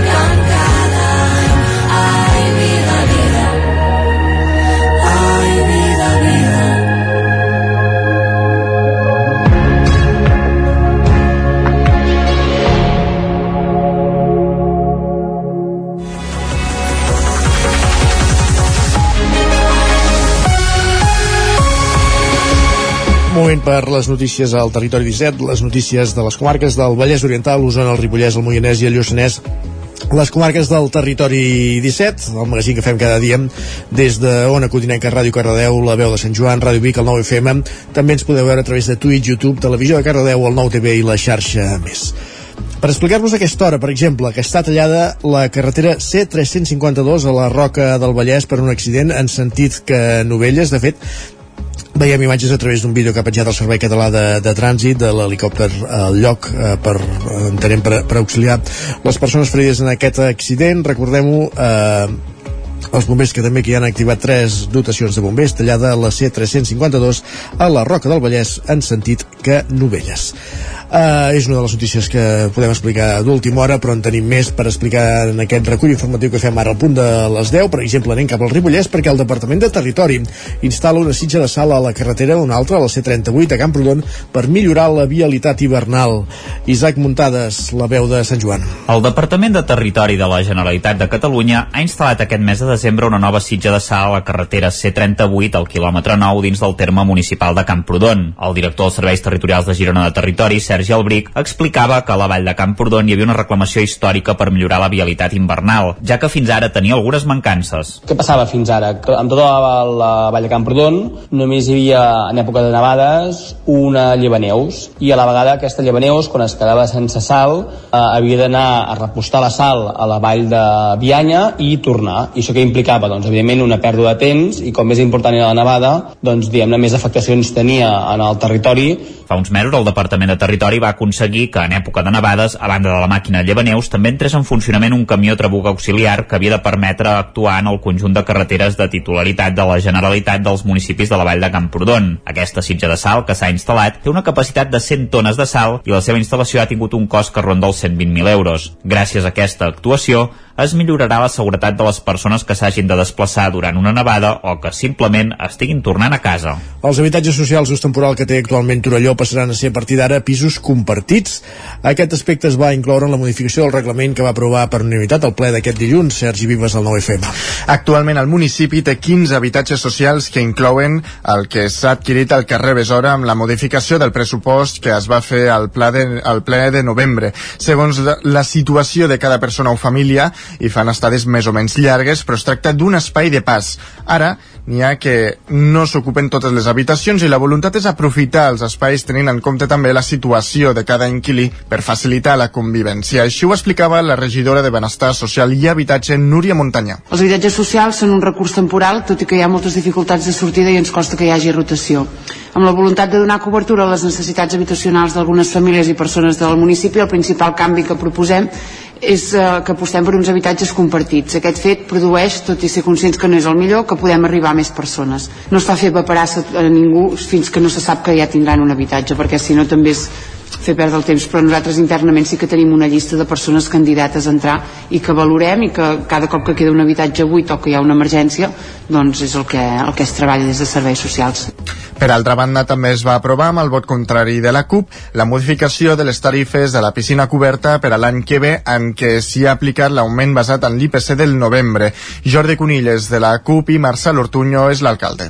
A més del propi sobrecost que ja es va produir en, el, en la creació del complex esportiu municipal, els dèficits anuals que acaben afrontant el propi Ajuntament i amb aquesta nova pujada de preus la piscina, així com el gimnàs, cada cop s'allunya més de ser públic i municipal. Això va per uns acords que es van fer en el seu moment i que l'Ajuntament eh, trencar aquests acords eh, li suposa una factura altíssima. De fet, eh, s'han fet alguns càlculs que suposaven més de 900.000 euros trencar eh, aquests acords. I en el mateix ple també es va acordar amb l'abstenció de Junts adaptar el reglament de l'Escola de Música al nou projecte educatiu, després de la municipalització del servei ara fa un any. Sant Martí del Bars apareix, ha aparegut en els últims mesos en el, entre els municipis que més aigua gasten, superant els 1.300 litres per habitant i dia. L'alcalde Ramon Pedrós surt al pas d'aquestes informacions, Sergi. Així és, el factor que ho explica és la diferència entre els habitants del municipi, 140, i l'alt volum de granges. Un cop separades les dades del consum humà i del ramader, s'ha constatat que el consum per habitant està per sota del màxim fixat per la situació d'excepcionalitat actual. Això ho explica l'alcalde del municipi, Ramon Pedrós. Clar, nosaltres venim de l'activitat ramadera secularment, per tant el bestiar sempre hi ha sigut i no, no podem anar contra el bestiar. Uh, sí que estic una mica enfadat, entre cometes, perquè clar, si divideixes tot el volum de litres per 140 habitants que som, 80 que es consideren d'estacionalitat, clar, se't multiplica el consum humà, però és que això no és cert, és estadística. Jo crec que l'ACA tindrà sentit comú, si som 140 habitants, 140 exactament, tenim molta ramaderia, alimentem les ciutats, donem feina, crec que tindran sentit comú. Per altra banda, Pedrós també s'ha mostrat optimista sobre el futur de la nova comarca del Lluçanès, en què diu hi ha bona sintonia política amb els diferents partits. Més qüestions del punt d'acollida al visitant del Parc Natural del Montseny a Fogàs de Montclús, al Vallès Oriental, per potenciar-hi l'accés en transport públic, ha estat una prova pilot que s'ha desenvolupat durant els caps de setmana i dies festius del 12 d'octubre al 10 de desembre i això ha fet incrementar de manera significativa l'ús del bus parc durant aquests mesos. Enric Rubio, Ràdio Televisió Cardedeu. Així és, Isaac, i és que l'augment respecte al mateix període de l'any passat ha estat del 54% de les línies de, a les línies de Santa Fe i Font Martina, amb un total de 4.399 serveis en aquests dos mesos. La novetat de les que constava aquesta prova era l'habilitació d'una feixa com a aparcament gratuït a rotonda d'entrada al municipi de Fogàs de Montclús, on hi ha el centre d'informació, on en hora punta s'hi han arribat a estacionar més de 500 vehicles. Els visitants que es dirigien a Santa Fe i Font Martina des de Sant Celoni hi podien estacionar i accedir-hi per aquests dos punts, que són els més freqüentats, i agafaria el bus parc. Tot i que l'indret amb més massificació del parc és la Vall de Santa Fe, també Collformic i la zona de Font Martina reben riuades de gent durant els caps de setmana. Altres punts amb una problemàtica d'accessos són Riells de Montseny i Viladrau, i és que s'estima que el 2022 més de 100.000 persones van visitar la vall de Santa Fe, 40.000 només a la tardor, i més de 33.000 Collformic, de les quals més de 20.000 en aquesta època. Informen des del Parc Natural que també es treballa de forma coordinada amb el Servei Català de Trànsit, de manera que, quan el personal del parc informa que els aparcaments estan plens, es comunica al Centre d'Informació Viària a Catalunya, on es prenen les mesures per informar i gestionar els punts de conflicte, entre elles l'avís als panells lluminosos situats a les carreteres d'accessos principals. Gràcies, Enric. Roda de Ter, Osona, Roda de Ter, 100 anys i més de pessebres, és el títol del llibre que l'Ajuntament de Roda eh, a Osona, així, i Oma Editorial, han editat per commemorar els més de 100 anys, 100 anys de tradició pessebrista al poble i en el 50 aniversari de l'agrupació pessebrista local, Sergi. Els pessebres són un clàssic de les festes de Nadal a la Roda que des de fa 100 anys sorprèn amb una representació del naixement de Jesús, un llegat que des de fa 50 anys abandera l'agrupació pessebrista del poble i per commemorar el centenari de la tradició i el 50è aniversari de l'entitat, com dèiem, l'Ajuntament de Roda, amb el suport de Dumo Editorial, ha editat el llibre Roda de Ter 100 anys i més de pessebres, una crònica que repassa la història i la tradició pessebrista al municipi. Una tradició que, segons el president de l'agrupació de Roda, Josep Carreras, viu un moment dolç. Jo crec que ens trobem en un punt molt bo, eh, igual que el pessebrisme en general a veure, molta gent eh, són una mica eh, negatius que el pessebre està de baixa i aquestes coses eh, no és cert en absolut. Nosaltres vàrem ser membres, membres fundadors de la federació l'any 85, que érem 12 membres i ara ja són 65-70 vol dir que el pessebre eh, està més viu que mai El llibre se centra en dos moments claus de la tradició pessebrista al municipi. El pessebre, per la gent que, que la gent visitava al Col·legi de les Monges l'any 1902 i l'aturada la, de l'any 1936 a causa de la Guerra Civil Espanyola. També es posa èmfasi en l'activitat de l'agrupació, un element clau que ha convertit Roda de Ter en referent del pessebrisme a tot el país, segons el periodista Jordi Molet. De fet, és una, una agrupació que ha treballat molt els pessebres, que ha innovat, que en un moment determinat varen ser capaços de fer un diorama en moviment i que això els va posar, diguem-ne, en el centre del pessebrisme català eh, i, i curiosament quan varen fer diguem-ne el diorama del centre parroquial del, set, del Teatre Centre eh, varen ser notícia a tot Catalunya els diorames que formen el pessebre d'enguany es podran veure a Can Planoles fins al 14 de gener. Gràcies, Sergi. Més qüestions. Amb l'arribada de les festes de Nadal són moltes les iniciatives solidàries que s'organitzen arreu del país. Una d'elles, que tampoc no ha fallat aquest 2023, és la campanya de recollida de joguines de la Creu Roja als seus drets en joc. Roger Rams, zona Codinenca. Sí, exacte. Aquesta iniciativa, nascuda fa 30 anys, té com a objectiu que cap infant es quedi sense rebre una joguina durant el Nadal. Per fer-ho, la Creu Roja té desplegats més d'una cinquantena de punts de recollida arreu de Catalunya, on s'hi poden dipositar joguines que han de complir tres requisits fonamentals ser nova, no sexista i no bèl·lica. Eva Chacón és la coordinadora de la delegació de la Creu Roja Caldes Palau Sant Feliu. Des de Creu Roja treballem amb, amb famílies doncs, que tenen més desfavorides, que tenen més dificultat per fer, fer la cobertura de les necessitats bàsiques i entenem que els infants han de tenir, han de tenir joguines i jocs perquè no és només un tema lúdic, és un tema educatiu que els ajuda a créixer i a madurar. Per col·laborar amb aquesta campanya es poden fer d'una banda donatius econòmics a través de Visum o de transferència bancària o bé fent donacions de joguines, llibres o material escolar als diversos punts habilitats. En el cas de Caldes de Montbui en són 8 i a Sant Feliu fins a 5, tots ells ubicats en equipaments públics com ara el consistori o la biblioteca i també en botigues que hi col·laboren.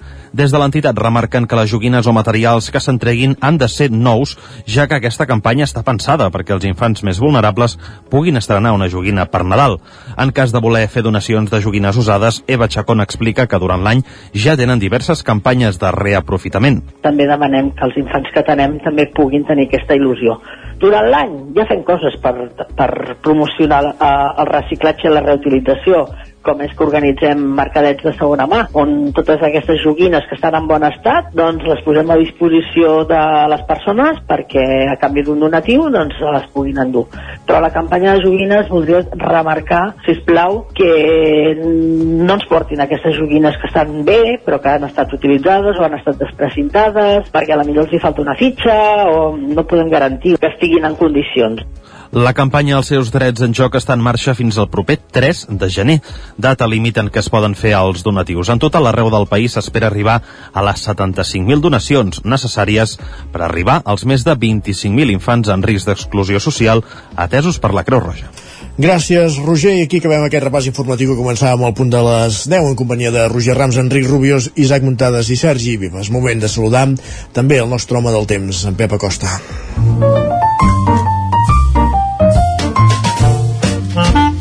Casa Terradellos us ofereix el temps. Ona Codinenca, Pep Acosta, benvingut de nou, bon dia. Hola, molt bon dia. Aquesta nit ja feia més fred a alta muntanya, uh, ja, ja, ja ha glaçat alta muntanya, encara ha glaçat també a les zones més fondes de les, de les nostres poblacions, i uh, fa, hi ha una mica de núvols, una mica de núvols uh, que contrasta amb els cels uh, molt clars d'aquests últims uh, dies de cara a la tarda, per això, aquest front ja gairebé haurà marxat, ja serà història, no ha deixat pluja, no ha deixat eh, cap nevada important, però sí que haurà deixat una mica d'entrada vent de nord, que farà baixar les temperatures, sota les màximes a les zones on no hi ha boira, eh? a les zones on, on no hi ha boira, que ahir van tenir un, un dia eh, molt agradable, amb temperatures moltes màximes de 15-18 graus, avui seran una mica més baixes. I als llocs on hi ha boira, la temperatura aquesta tarda serà més alta que no pas la dels últims dies. Uh, un petit spoiler, spoiler de cara als pocs dies, eh, l'anticicló tornarà a ser l'amo i senyor de la situació, eh, molts pocs canvis, molt, molt poca variació, sembla que acabem l'any amb anticicló, temperatures una mica més altes del normal, i en definitiva un panorama gens, gens eh, positiu pel que fa al temps. Moltes gràcies i fins demà. Adeu. Gràcies a tu, Pep. Parlem demà, parlem també del temps demà. Tot seguit parlem de solidaritat. Casa Tarradellas us ha ofert aquest espai. Territori 17. Envia'ns les teves notes de veu per WhatsApp al 646 079 023. 646 079 023. WhatsApp Territori 17.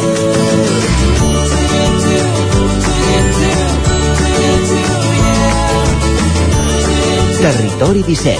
Som a Facebook, Twitter i Instagram amb l'usuari Territori 17. Ara mateix, clavats pràcticament un quart d'onze del matí.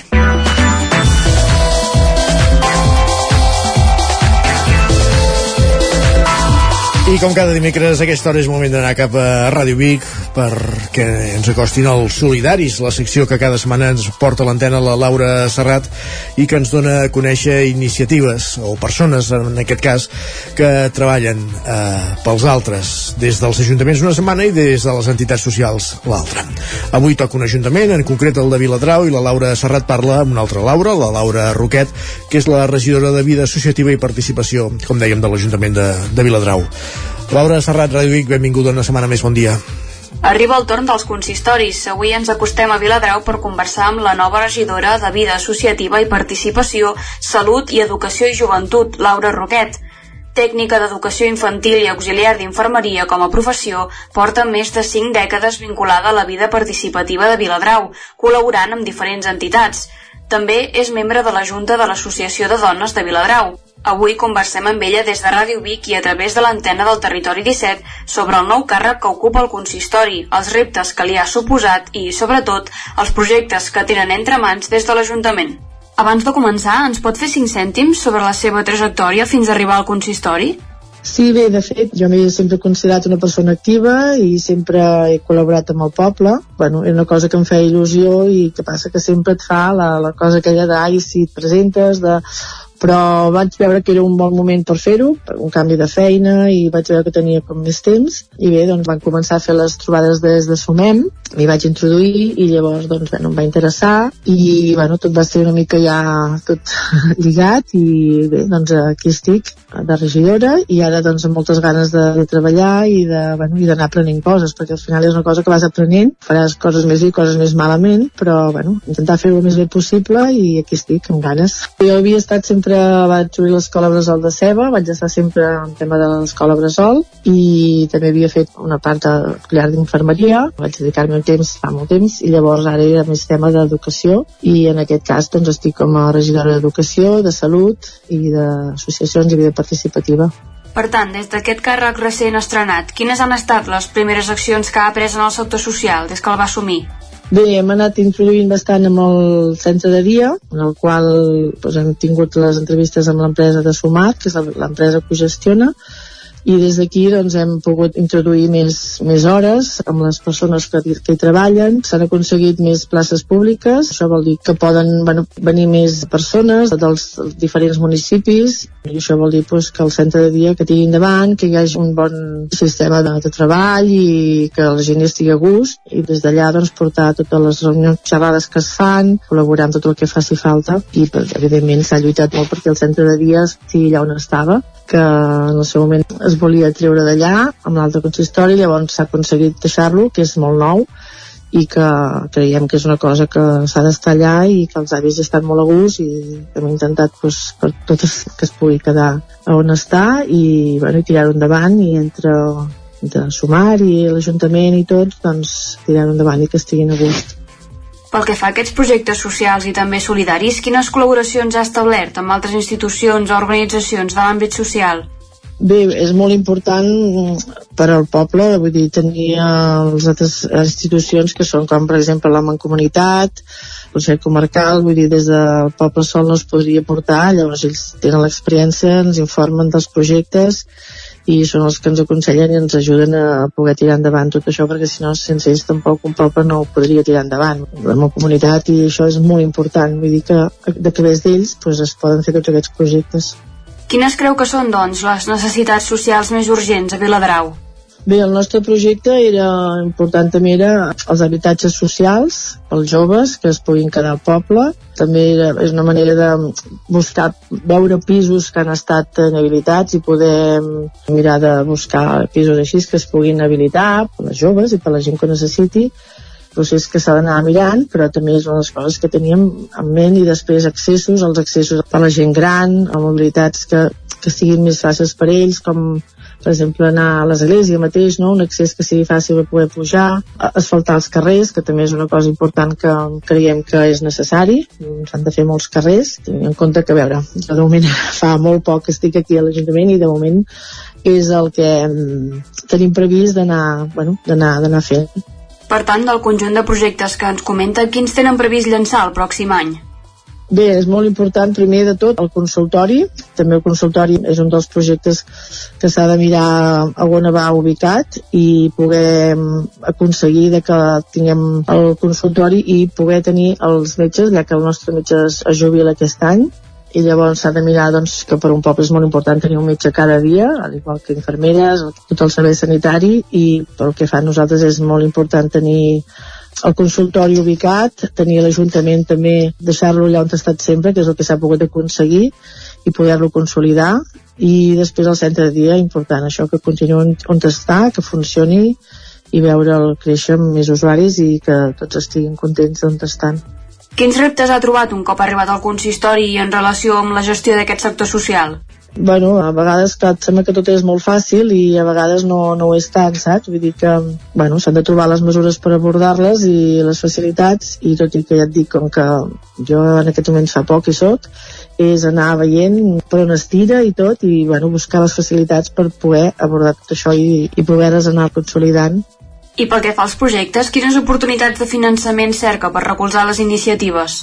El finançament, bé, en principi és important l'arca municipal, tot el que és tema de subvencions, des de la Generalitat i des d'allà on puguem treure els diners per poder afrontar tots aquests canvis i, i projectes que hi ha en el poble. Bueno, des de la Generalitat i subvencions que, que es poden anar demanant del tema, pues, eh, quan hi ha de salut, pues, DIP Salut també són les subvencions que et donen, bueno, des de l'arca municipal, del que té i de, de tot allà on es pugui pues, treure els, els diners necessaris.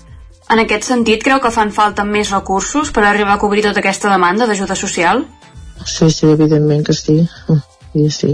No et puc dir res més, vull dir, es necessiten molts recursos per tot, vull dir, tots sabem i potser quan no, no hi ets no te'n dones compte dels diners que es necessiten i, i de, dels gastos que hi ha i de tot, per tant, sí, sí, es necessiten molts recursos i, i afrontar-los, vull dir que és necessari. Per un altre vessant, quin creu que ha de ser el paper de l'Ajuntament pel que fa a l'atenció a les persones necessitades? Des del poble, realment, quan vius en un poble petit, sempre veus les persones cada dia o també veus qui és les pers la persona que necessita té més necessitats a, a l'hora d'ajuda, que una persona està sola i que veus que necessita pues, aportar-la al metge o que si necessita doncs se l'ha de posar en una residència i no té ningú, llavors l'Ajuntament pues, està sempre més a sobre d'aquestes persones i mirar pues, d'acompanyar-los amb les seves necessitats i el dia a dia sempre pues, és el que no? pots veure una persona que dius, ai, fa dies que no el veig o saps, doncs estàs més al cas o o, gent que ja saps directament i que ja pues, l'ajudes amb el que siguis. I de fet també hi ha un grup de, formar un grup de voluntariat que la gent també mira un, ai, pues, necessita que li portin el pa, l'altre pues, necessita que vagis a la farmàcia a portar-li, a buscar-li medicaments, doncs tot això és una, un servei que pues, des de l'Ajuntament es vol, es vol intentar doncs, que, que estigui cobert i que sempre s'ha fet, eh? però vull dir que també ara pues, eh, enfocar-ho molt i que, que tothom estigui bueno, cobert de les seves necessitats deu ser un dels grans avantatges de viure en un poble petit. Evidentment, això és el que fa als pobles, que tinguis aquesta relació de dia a dia, que, que això et fa que dius, doncs una persona veus que no està bé, o doncs de dir-li si necessita alguna cosa, o a vegades tens els familiars lluny i llavors doncs, vol dir que si tu ho veus doncs dir, mira que si vols de l'Ajuntament podem venir a, a veure o si necessites algun servei de, de, de metges o el que sigui doncs tot això és molt més fàcil evidentment som una ciutat gran que millor eh, no es coneixen els veïns del mateix edifici vull dir tot això és l'avantatge que té de tenir un, viure en un poble. De cara al futur, quins projectes li agradaria veure complets un cop acabi aquest mandat? en principi és poder tenir, veure l'Ajuntament allà on està consolidat i poder-ho tenir ubicat evidentment allà on està i poder veure acabat. I el consultori igualment poder-lo ubicar allà on hagi d'anar però que estigui acabat i que estigui en funcionament amb el seu metge que com bé he dit això que se'n jubila el metge i llavors que tinguem els serveis sanitaris cada dia perquè això fa molta falta en un poble i s'ha de lluitar per, per poder-ho mantenir i evidentment doncs, la, el centre de dia que, que continuï estant on està, que, que funcioni i que tinguem els locals per les associacions, per fer trobades amb els joves i que tot això mica en mica es anirà reubicant en els llocs on te faci falta i tenir-ho doncs, tot acabat i, i endreçat, que diguem Ja per acabar, si mirem el més enllà possible cap al futur, quin seria el futur ideal que s'imagina per a Viladrau? és el tema de veure Viladrau doncs, que vagi avançant, que és el que sempre dic, eh, que quan entra un ajuntament, que si ja té les coses fetes, que no es canvien de lloc, perquè al final en un poble petit el que volem és que tot vagi creixent, que vagi funcionant, i el que no es pot fer és desfer i fer i desfer, i, i que després no tinguem les coses mai acabades, perquè al final els que volem estar tranquils i bé i viure a gust i veure que les coses funcionen i que es vagin fent coses noves, evidentment, i projectes nous i, i que, que tothom estigui content i que tothom tingui les seves associacions, que pugui fer les seves trobades, que tinguem un ajuntament com cal el consultori, el centre de dia amb els avis, el casal d'avis també, que hi ha el casal d'avis i que puguin també tenir la relació amb, els, amb el centre de dia i entre tots doncs, fer doncs, les activitats que pertoca i que tot funcioni doncs, amb una harmonia que, que és el que al final agrada a tenir un poble. Esperem que sigui possible. Laura, moltes gràcies per ser avui aquí amb nosaltres i fins aviat. Molt bé, moltes gràcies a vosaltres. Gràcies a, a les dues Laures, de fet, a la Laura Serrat des de Ràdio Vic i la Laura Roquet, la regidora de Vida Associativa i Participació de l'Ajuntament de Viladrau, també de Salut, i alguna altra regidoria més, com, com hem sentit, en aquesta entrevista als solidaris que fem cada setmana, cada dimecres, un quart d'onze aquí al Territori 17, la secció que ens serveixen des de Ràdio Vic, en aquest cas la, la Laura Serrat, i avui hem conegut les polítiques actives en, en benestar social de l'Ajuntament de Viladrau. Moment per la pausa, 3 minutets, de, tornem d'aquí, tornarem d'aquí 3 minutets, volem dir, i amb la recta final del programa, primer amb l'alegria interior, perdó, primer amb les piulades, amb en Guillem Sánchez, com cada dia, a partir de dos quarts d'onze, repassant el més destacat que hem trobat a X, a l'antiga Twitter, i després, com dèiem, en Jordi Soler, l'alegria interior, per tancar eh, l'any i la temporada d'aquesta secció. I acabarem el programa també amb l'última secció de la temporada de la Lletra Ferits, avui amb en Roger Rams des d'Ona Codinenca, conversant amb, no, amb Nona Arola, del, del Moianès, autor del llibre Anna Mahler, musa de la secessió a l'expressionisme. Com dèiem, 3 minuts de pausa i tornem ara mateix. El nou FM, la ràdio de casa, al 92.8. Menja ràpid, menja fàcil, el trinxat de les Cerdanyes, tio Carlit. Mmm, boníssim! Trinxat Carlit, 100% natural, fet cada dia a Puigcerdà i a punt en un minut. Encara et preguntes com t'ho faràs perquè els nens mengin verdura? El trinxat de les Cerdanyes, tio Carlit. Arriben les festes més especials de l'any i des del nou FM us ho volem dir d'una altra manera. Des de Boi Galtés, al carrer Jaume I de Vic, els nostres millors desitjos. De part del sabater de Manlleu, que estem a dalt vila, molt bones festes. De part de Piscines Martí, que som al polígon Mas Galí de Gurb, salut i gaudir de les festes. Des de Set que estem a la carretera de Roda de Vic, els millors desitjos per al 2024. Situat en un entorn immillorable, envoltat de natura, a l'hostal restaurant La Guineu tenim la brasa encesa tot el dia per esmorzar, dinar o sopar a la fresca. Ja tenim a punt les opcions de menús d'empresa i per les festes de Nadal, Sant Esteve o Cap d'Any. Estem especialitzats en opcions vegetarianes. Hostal La Guineu. Ens trobareu a l'urbanització Les Guilleries de Viladrau. Obrim tots els dies. M'encanta regalar llibres de la llibreria Mater. Tenen novel·les que et fan viatjar a mons desconeguts, poesia que et fa sentir cada paraula, assaig que et fan reflexionar i contes infantils que fan volar la imaginació dels més petits. M'agrada regalar agendes, quaderns, bolígrafs i calendaris de la llibreria Mater. Si busques un regal original, no busquis més. Tenen una àmplia selecció de regals de papereria que segur que els encantarà. Llibreria i papereria Mater, seleccionant el que farà feliç als teus des de 1957. Pla de Balanyà 23 de Vic. Tens 20.000 motius per comprar centelles.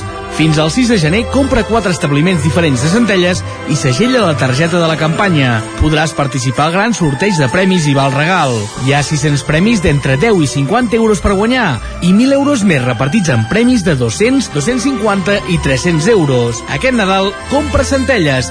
Tens 20.000 motius per fer-ho. Aquest Nadal fem consum local. Aquí seria perfecte aquest piano de juguetos. Per a nens que donin la nota.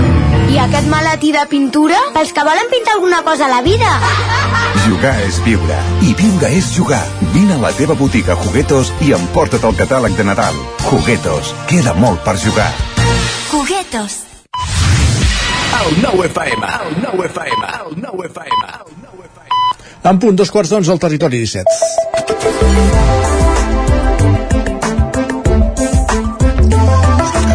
I a dos quarts d'onze cada dia és l'hora d'en Guillem Sánchez. Benvingut, Guillem. Hola, què tal, Isaac? Que ens endinses al món de X abans Twitter, encara I- que si poses twitter.com també hi vas a parar. Sí, de fet és el, és el que poso jo cada, cada matí eh, per, per entrar a la pàgina web. No, no, no el tens memoritzat? Desmuntant tot el sistema. No, em Ah, sembla ja que no. Carai. Bé, cap problema. Sí, m'agrada. Ens posem na Vas, vas, de, vas de desembre avui, eh? Sí, sí, sí. Hem tornat, hem tornat a deixar-nos bigoti. Molt bé. Iniciarem nova, nova campanya. Sí, m'agrada. Va, el que també són dates ara de Nadal i hi ha molta gent a X o a Twitter que ens relata qüestions vinculades amb, amb això. Per exemple, en Joel, que avui s'ha llevat i ens escriu que el conductor del transport públic vagi disfressat de Pare Noel és una cosa que no havia vist a venir. Deus són els renos. No ho sabem, no sabem on els ha deixat, però potser ens estem passant una mica, no? Una mica molt. I no sé si això que ens expliquen avui us ha passat mai, Isaac. Ja. Quan li dius a algú que no cal que et regali res i no et regala res. Ah, però què, què s'ha de regalar algú en aquest cas, llavors? No sé, potser Ah. és allò que es diu per, per compliment i per quedar No, bé. no No, cal. no, no cal, no cal, no cal. Doncs vinga. Si tu m'has dit, perquè... I l'Albert li respon a aquest comentari i ens diu emprenya, però és algú que t'escolta. Diu, no el deixis escapar perquè és bona gent i en queden pocs. Sempre optimistes, només faltaria. Exacte. I parlant de regals, atenció al missatge de l'Anna, que ens escriu avui el meu fill ha demanat per Nadal, atenció, eh, una manta elèctrica, mm -hmm. un raspall de dents elèctric i un pernil. De 8 anys per 91. Uh, quina carta de Reis més curiosa, no? Una, una placa solar estaria bé per alimentar totes, totes aquestes coses I elèctriques. tant, també, i en Ramon li confessa, diu, vostè té un pensionista, no un fill. Exacte. Va, i ara que arriba Nadal és ben habitual que les famílies es tornin a reunir a les cases, com és el cas també que ens relaten avui per xarxes. Ens escriuen, ens ha arribat el mitjà a casa que el tenim fora, d'Erasmus. Allò d'arribar... Ah, el mitjà és el fill, d'acord, Sí. entesos. Allò d'arribar a la plana i sentir olor de tocino, diu. Els usonencs residents ja estem immunitzats. Olor de tocino, carai. Fins i tot amb gent que està d'Erasmus i que ja vivia aquí abans, eh? Per Sí, tant, atenció, eh, atenció a aquesta. I en Carles ens hi afegeix i diu és com quan Ja, tens... L'olor de tocino també s'ha de dir, no és permanent. I, No, i, és- hi, hi ha és llocs, puntual, i, hi ha llocs i punts on s'intensifica més que en d'altres. Correcte, Per correcte. exemple, si, passes, si vas de Vicarrodi i surts del polígon eh, Malloles, És més aquests, habitual. aquest, aquests dies, per exemple, no sé què passa per l'illa Càrnia, però hi ha determinades hores que la cosa és bastant soporífera. Doncs mira, ja sabeu, si no voleu escoltar aquesta, aquesta olor, no passeu per allà. No, si la vols escoltar, no, no hi paris l'orella, la vols sentir. I en Carles també ens afegeix i ens diu és com quan tens un ambientador a casa des de fa molts dies. Sí, clar, hi ha gent que ja estem acostumats. Exacte. Va, i encetem un debat que podria durar hores i hores. Què se li ha de donar de menjar al tió, Isaac? Ai, senyor. En Marc, Mira, bananes, mandarines... en Marc ens fa una aportació que crec que podria ser vàlida a moltes cases, diria. Iogurts amb bífidus, perquè així caga. Diu, també us podeu menjar alguna peça de fruita vosaltres, no cal que li doneu totes al tió. També està bé. S'ha de ser saludable. I parlant de tions, llegim també la Cèlia, que avui ens escriu Ahir els meus nens van cagar el tió i em van agradar més a mi, les seves joguines, que no pas a ells. Ahir? Però el tio es caga eh, Hi ha gent que s'avança. o dissabte o diumenge Hi ha però- gent que s'avança, sí, sí, ha de ser el 24 o el 25, si no, no és pas, no és pas vàlid, això. diumenge o dilluns, exacte sí.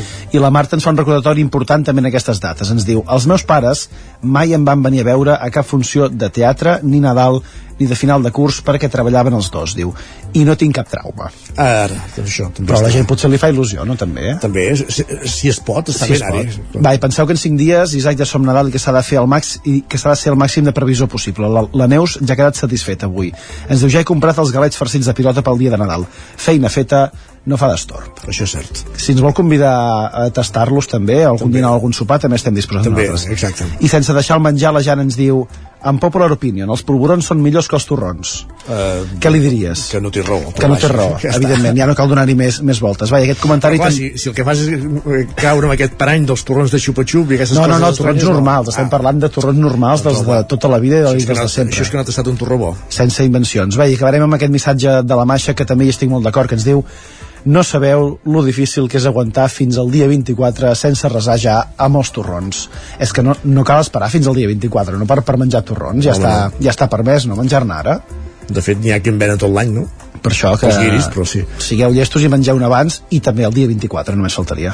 Però llavors heu de vigilar, eh? Sí. També alguna peça de fruita de tant en tant de Que caigui, les del tió no. I el tió també li podeu donar algun tros de torró, ja? També se'l menjarà, eh? Jo crec que dirà que sí. Eh que sí? I tant que sí. Va, Gràcies, Isaac. Sánchez. Fins demà.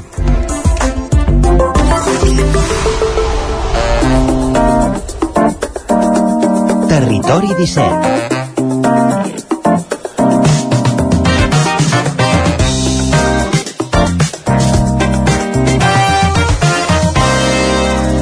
5 minuts que passen de dos quarts d'onze del matí.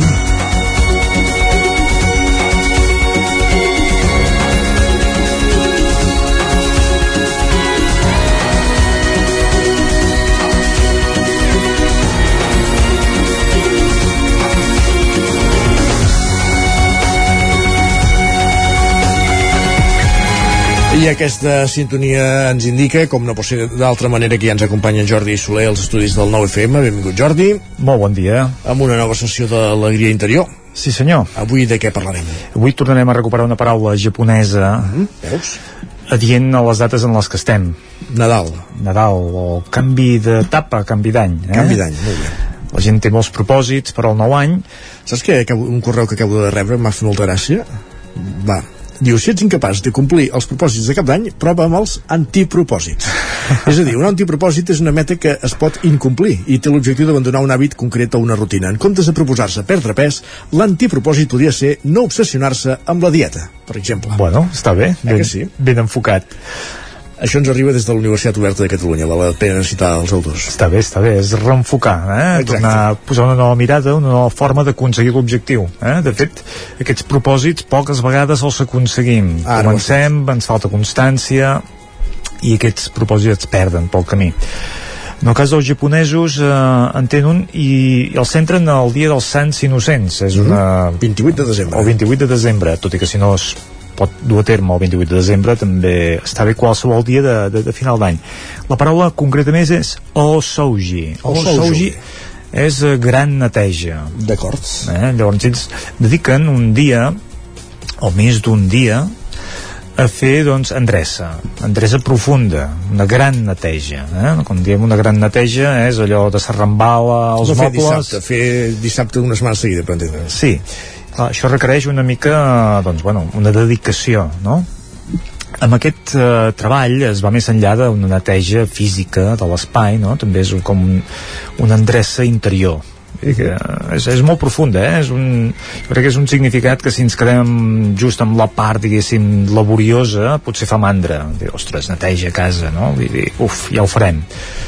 Si ho entenem com una oportunitat per mm, fer net i tornar a començar amb aspectes que tenim pendents, això pot ser un exercici també de meditació, eh? hem parlat de moltes maneres de fer meditació, acaba de ser un acte de presència, d'estar ara i aquí, eh? un dia dedicat a posar ordre a la casa, que també pot ser l'empresa, eh? Vull dir que de fet eh, alguns dies parlàvem del Kaizen, d'aquesta manera, diguéssim, d'enfocar els grans projectes pas a pas i posar ordre i donar, donar veu, doncs també, d'alguna manera, doncs, posar aquest ordre petits passos ajuda doncs, a, a reenfocar coses no?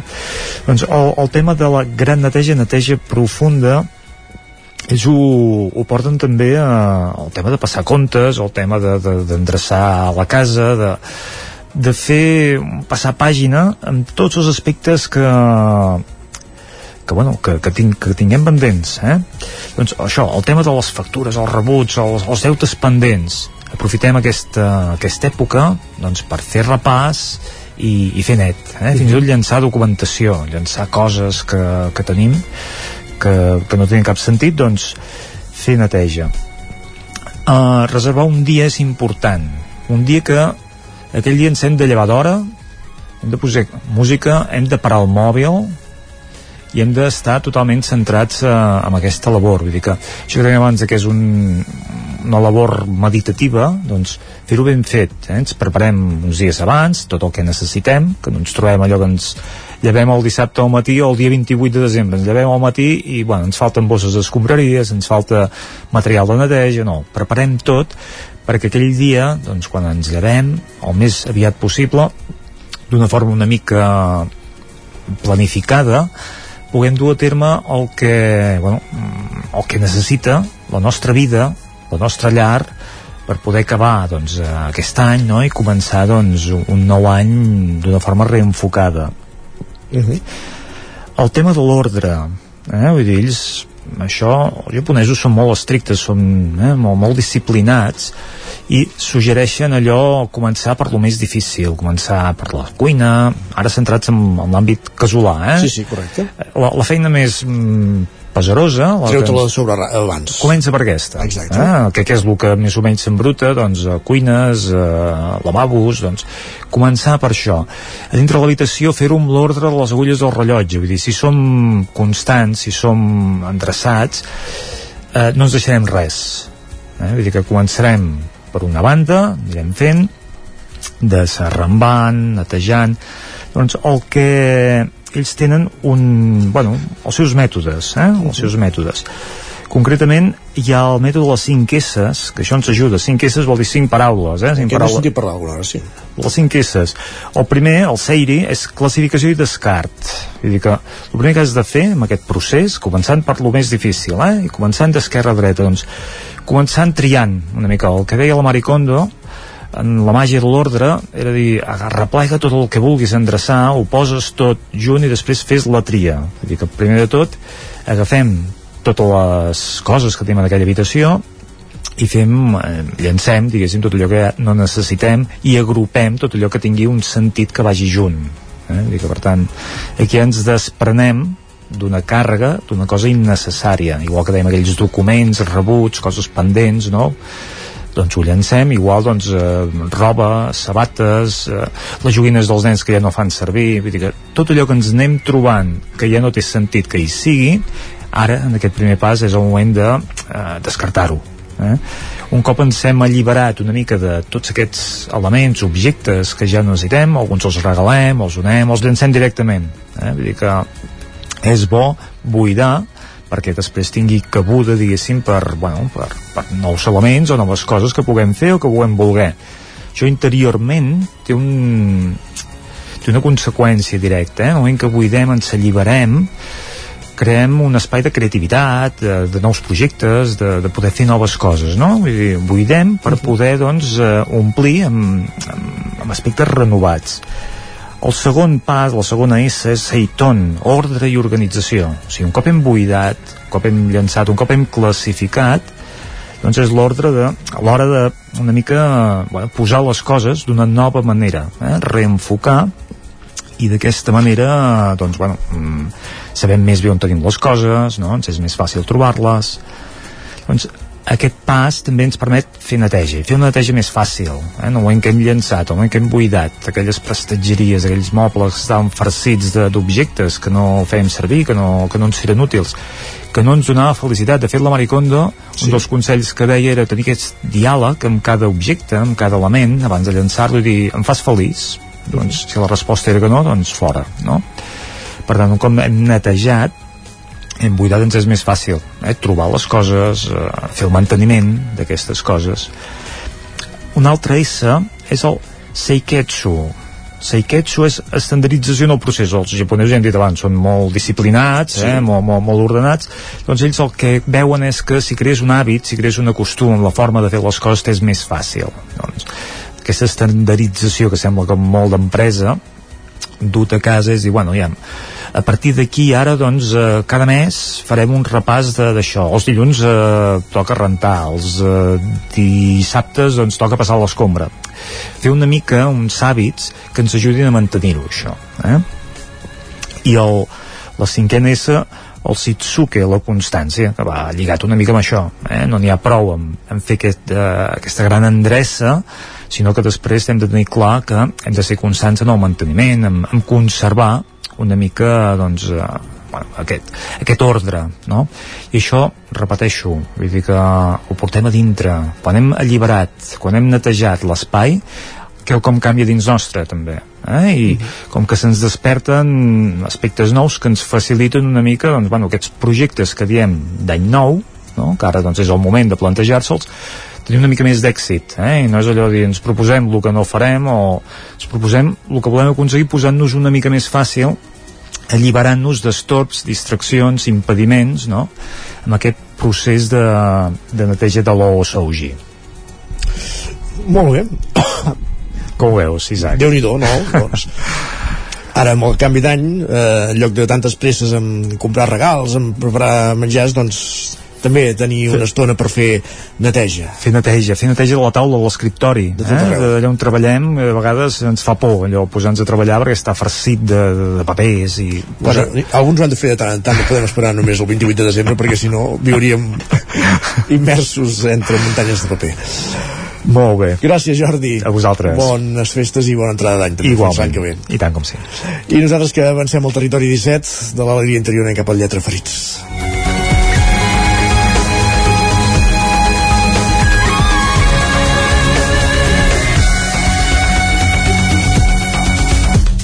I avui el Lletra Freix es porta fins al Moianès.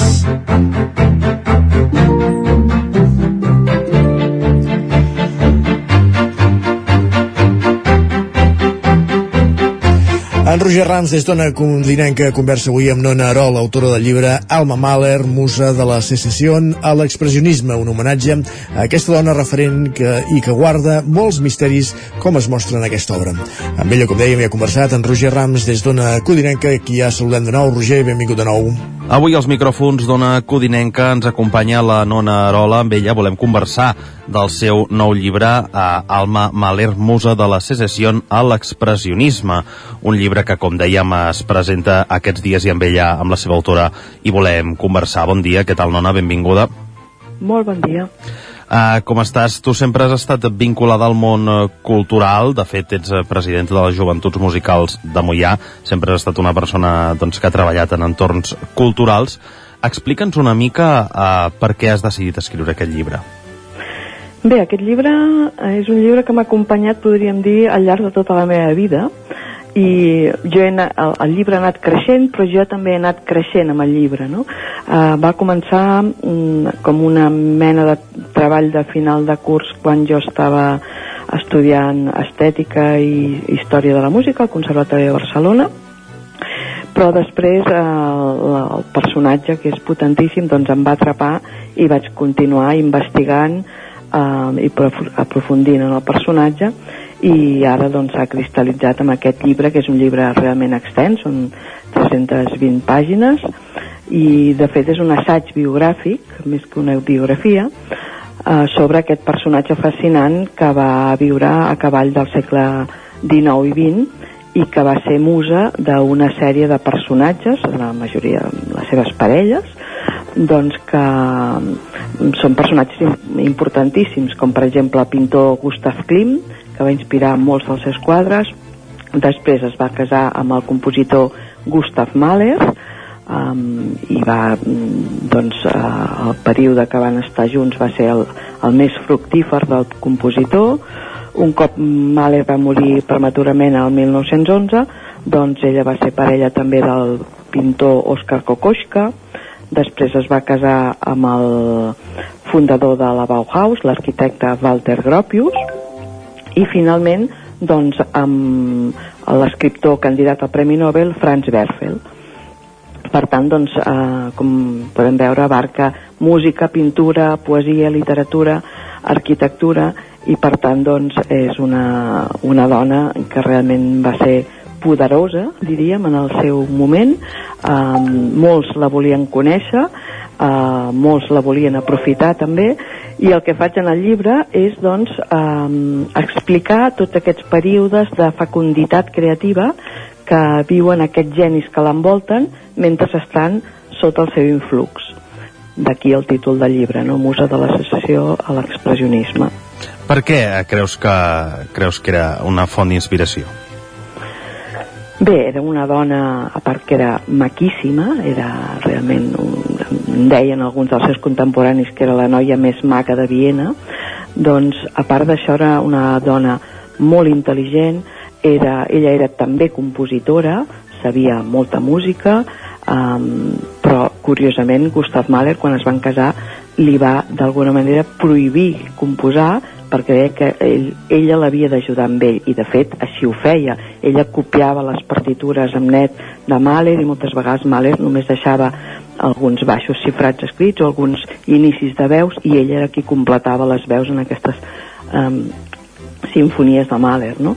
o després amb, amb Franz Werfer, per exemple, molt dels arguments d'aquest novel·lista doncs, eh, eren històries que li explicava o que li suggeria al Mahler.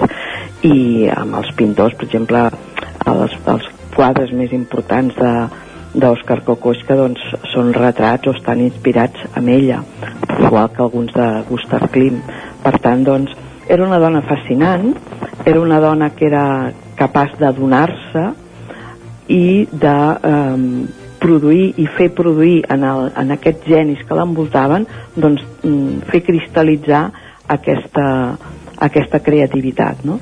era una mica com l'enzim necessari per aquesta creació Ah, fa una estona al principi ens explicaves que aquest llibre de Fuig del que seria una biografia eh, convencional, diguem-ne, és sí. més aviat eh, com, com un homenatge no?, que has volgut retre a la seva figura. Explica'ns què hi trobarà el lector. Sí, perquè aquest, eh, aquest personatge també és un personatge que desperta passions irrefrenables o condemnes despietades. No? Eh, hi ha molta gent que, sigui per enveja o sigui per incomprensió, doncs també l'han criticada molt. I en canvi a mi sempre he sigut un personatge que sempre m'ha inspirat molt i que sempre he admirat molt, no? I d'alguna manera volia reivindicar aquesta part, aquest, aquest copyright um, de musa que li correspon d'alguna manera. I el que he fet és um, analitzar aquestes obres que, que creen els seus contemporanis sota el seu influx i fent-ho sobretot des de les cartes i els diaris de tots ells perquè penso que eh, unes memòries o una biografia sempre pot resultar panegírica o sempre pot, pots modificar el record al llarg del temps. En canvi, si tu vas a les cartes o als diaris, que és una cosa escrita en el moment que passa aquella influx creatiu, doncs penso que és anar molt a l'origen i anar molt a la veritat i aleshores doncs, a través d'aquestes cartes i aquests diaris evidentment jo també hi faig eh, la meva aportació, el meu comentari o, o, o com ho veig jo, quina és la meva opinió. Um, però penso que anem molt a l'arrel de la creació i aquesta part és la que m'interessava a mi. Per això dic que és un assaig biogràfic perquè és una biografia diguem-ne comentada no? Ara pa parlaves d'aquests diaris, d'aquestes cartes, eh, a l'hora d'escriure, com ha estat el procés? És a dir, has tingut accés a alguns documents que no havies vist fins aleshores? T'has desplaçat a Viena, has viatjat, com ho has fet? Sí, jo des de molt, molt jove, doncs, eh, tot el, el que és la cultura centroeuropea em fascinava i he fet molts viatges a Viena, m'he documentat molt, he anat adquirint des de molt jove tota la bibliografia que anava trobant en qualsevol idioma eh, sobre el Mahler i aquests contemporanis. Eh, vaig estar a punt de conèixer la, la filla del Mahler, um, quan jo encara estava estudiant a Itàlia doncs eh, ella vivia la, la seva filla era una escultora també important i vivia a cavall entre Los Angeles i Spoleto on tenia un estudi i vaig contactar amb ella um, ens havíem de veure però quan jo estava en aquell moment estudiant a Itàlia, com deia, amb una beca, uh, el primer cap de setmana lliure que vaig tenir em vaig desplaçar a Spoleto i Anna Mahler feia cinc dies que havia mort. Per tant, no la vaig poder conèixer en persona, la filla, la qual cosa doncs, és una d'aquelles recances que m'han quedat, no? però realment doncs, sempre he intentat eh, eh, àvidament eh, adquirir qualsevol publicació que es fes al voltant seu i sobretot doncs, això anar a, aquest, a buscar aquestes cartes, aquests, aquests diaris que també per sort alguns s'han anat publicant i, i llegir i, i, i poder admirar també de primera mà totes aquestes obres pictòriques o literàries que s'han creat al voltant d'Alma Mahler, no? Que al final eh, també, Nona, et volia preguntar perquè eh, aquests personatges femenins eh, sovint queden eh, com, com diguem tapats no, per la sombra de, de qui són parella o de amb qui han compartit la vida i jo volia preguntar si al final eh, aquesta obra també té la voluntat de donar a conèixer a aquest personatge que potser fora de, de l'àmbit eh, més, eh, diguem, musical eh, no és tan coneguda. Bé, Alma Mahler segurament és dels personatges força coneguts, però eh, és, és evident que estan sota la sota l'ombra d'aquests genis, no? Però d'alguna manera d'aquest tema també en parlo molt al llibre, d'aquesta renúncia, però penso que en el cas d'Alma Mahler és una renúncia perfectament conscient i volguda. És a dir, fins i tot en el moment que Mahler just abans de casar-se li, li planteja aquesta, aquest dilema, no? aquesta, o aquest, aquesta condició de que haurà de renunciar a la seva pròpia composició, la mare d'Alma Mahler reacciona i li diu això no ho pots acceptar de cap manera, no ho acceptis, no t'hi casis. I aleshores ella, ni que sigui segurament per la pròpia rebeldia de la joventut, Mahler, eh, Alma Mahler llavors tenia 20 anys, i es casava amb una persona que tenia 19 anys més que ella. Però clar, era una persona que en aquell moment era un déu a, a Viena perquè era el director suprem de l'òpera de Viena. Un director importantíssim, reconegudíssim i a, amb una Viena absolutament musical de principis de segle es casa en el 1902 doncs eh, és el déu suprem de l'Olimp. De fet jo penso que mm, Alma Mahler seguia d'alguna forma un principi que li havia inculcat al seu pare, el seu pare era també un pintor paisatgista que va arribar a ser pintor de la cort i molt reconegut també en el seu moment. Um, gràcies a ser pintor de la cort doncs, va comprar, va adquirir un castell a les afores als boscos de Viena i era un castell doncs, amb uns jardins fantàstics plens d'escultures gregues i de faunes. I aquest pintor, que era Emil Jacob Schlinder, li deia a la seva filla Alma actua per fascinar els déus i crec que Alma Mahler s'ho va prendre una mica al peu de la lletra no? i va a intentar fascinar aquests déus que l'envoltaven, aquests artistes que per ella eren els déus no? um, de fet ella quan era molt joveneta el seu major somni era tenir una gran casa amb un gran jardí on els artistes poguessin viure i fer les seves creacions. I d'alguna forma aquest petit somni infantil va ser el fil conductor de tota la seva vida. I de fet doncs, el llibre que comença amb aquesta citació del pare d'Alma Mare i acaba amb el mateix, no? comentant uh, en l'epíleg final. Mm. I penso doncs, que realment Alma Mahler va intentar fer això al llarg de tota la seva vida, fascinar uh, uns déus que no eren altra cosa que uns grans artistes, no? Mhm. -huh. Aquest eh, és un llibre pel gran públic, diguem? Sí, qualsevol persona que estigui mínimament interessada en l'art, eh, que li agradin doncs, el gènere biogràfic o autobiogràfic, penso que hi pot trobar eh, un gran plaer llegint-lo i mm, jo espero que sigui una mica uh, que faci una mica l'efecte que va fer amb mi aquest personatge que va ser que a través d'un estirant un fil, no? vas, o llegint un llibre, eh, aquest llibre te'n fa llegir cinc més, i d'aquests cinc vas estirant fils i en llegeixes cinc més, no?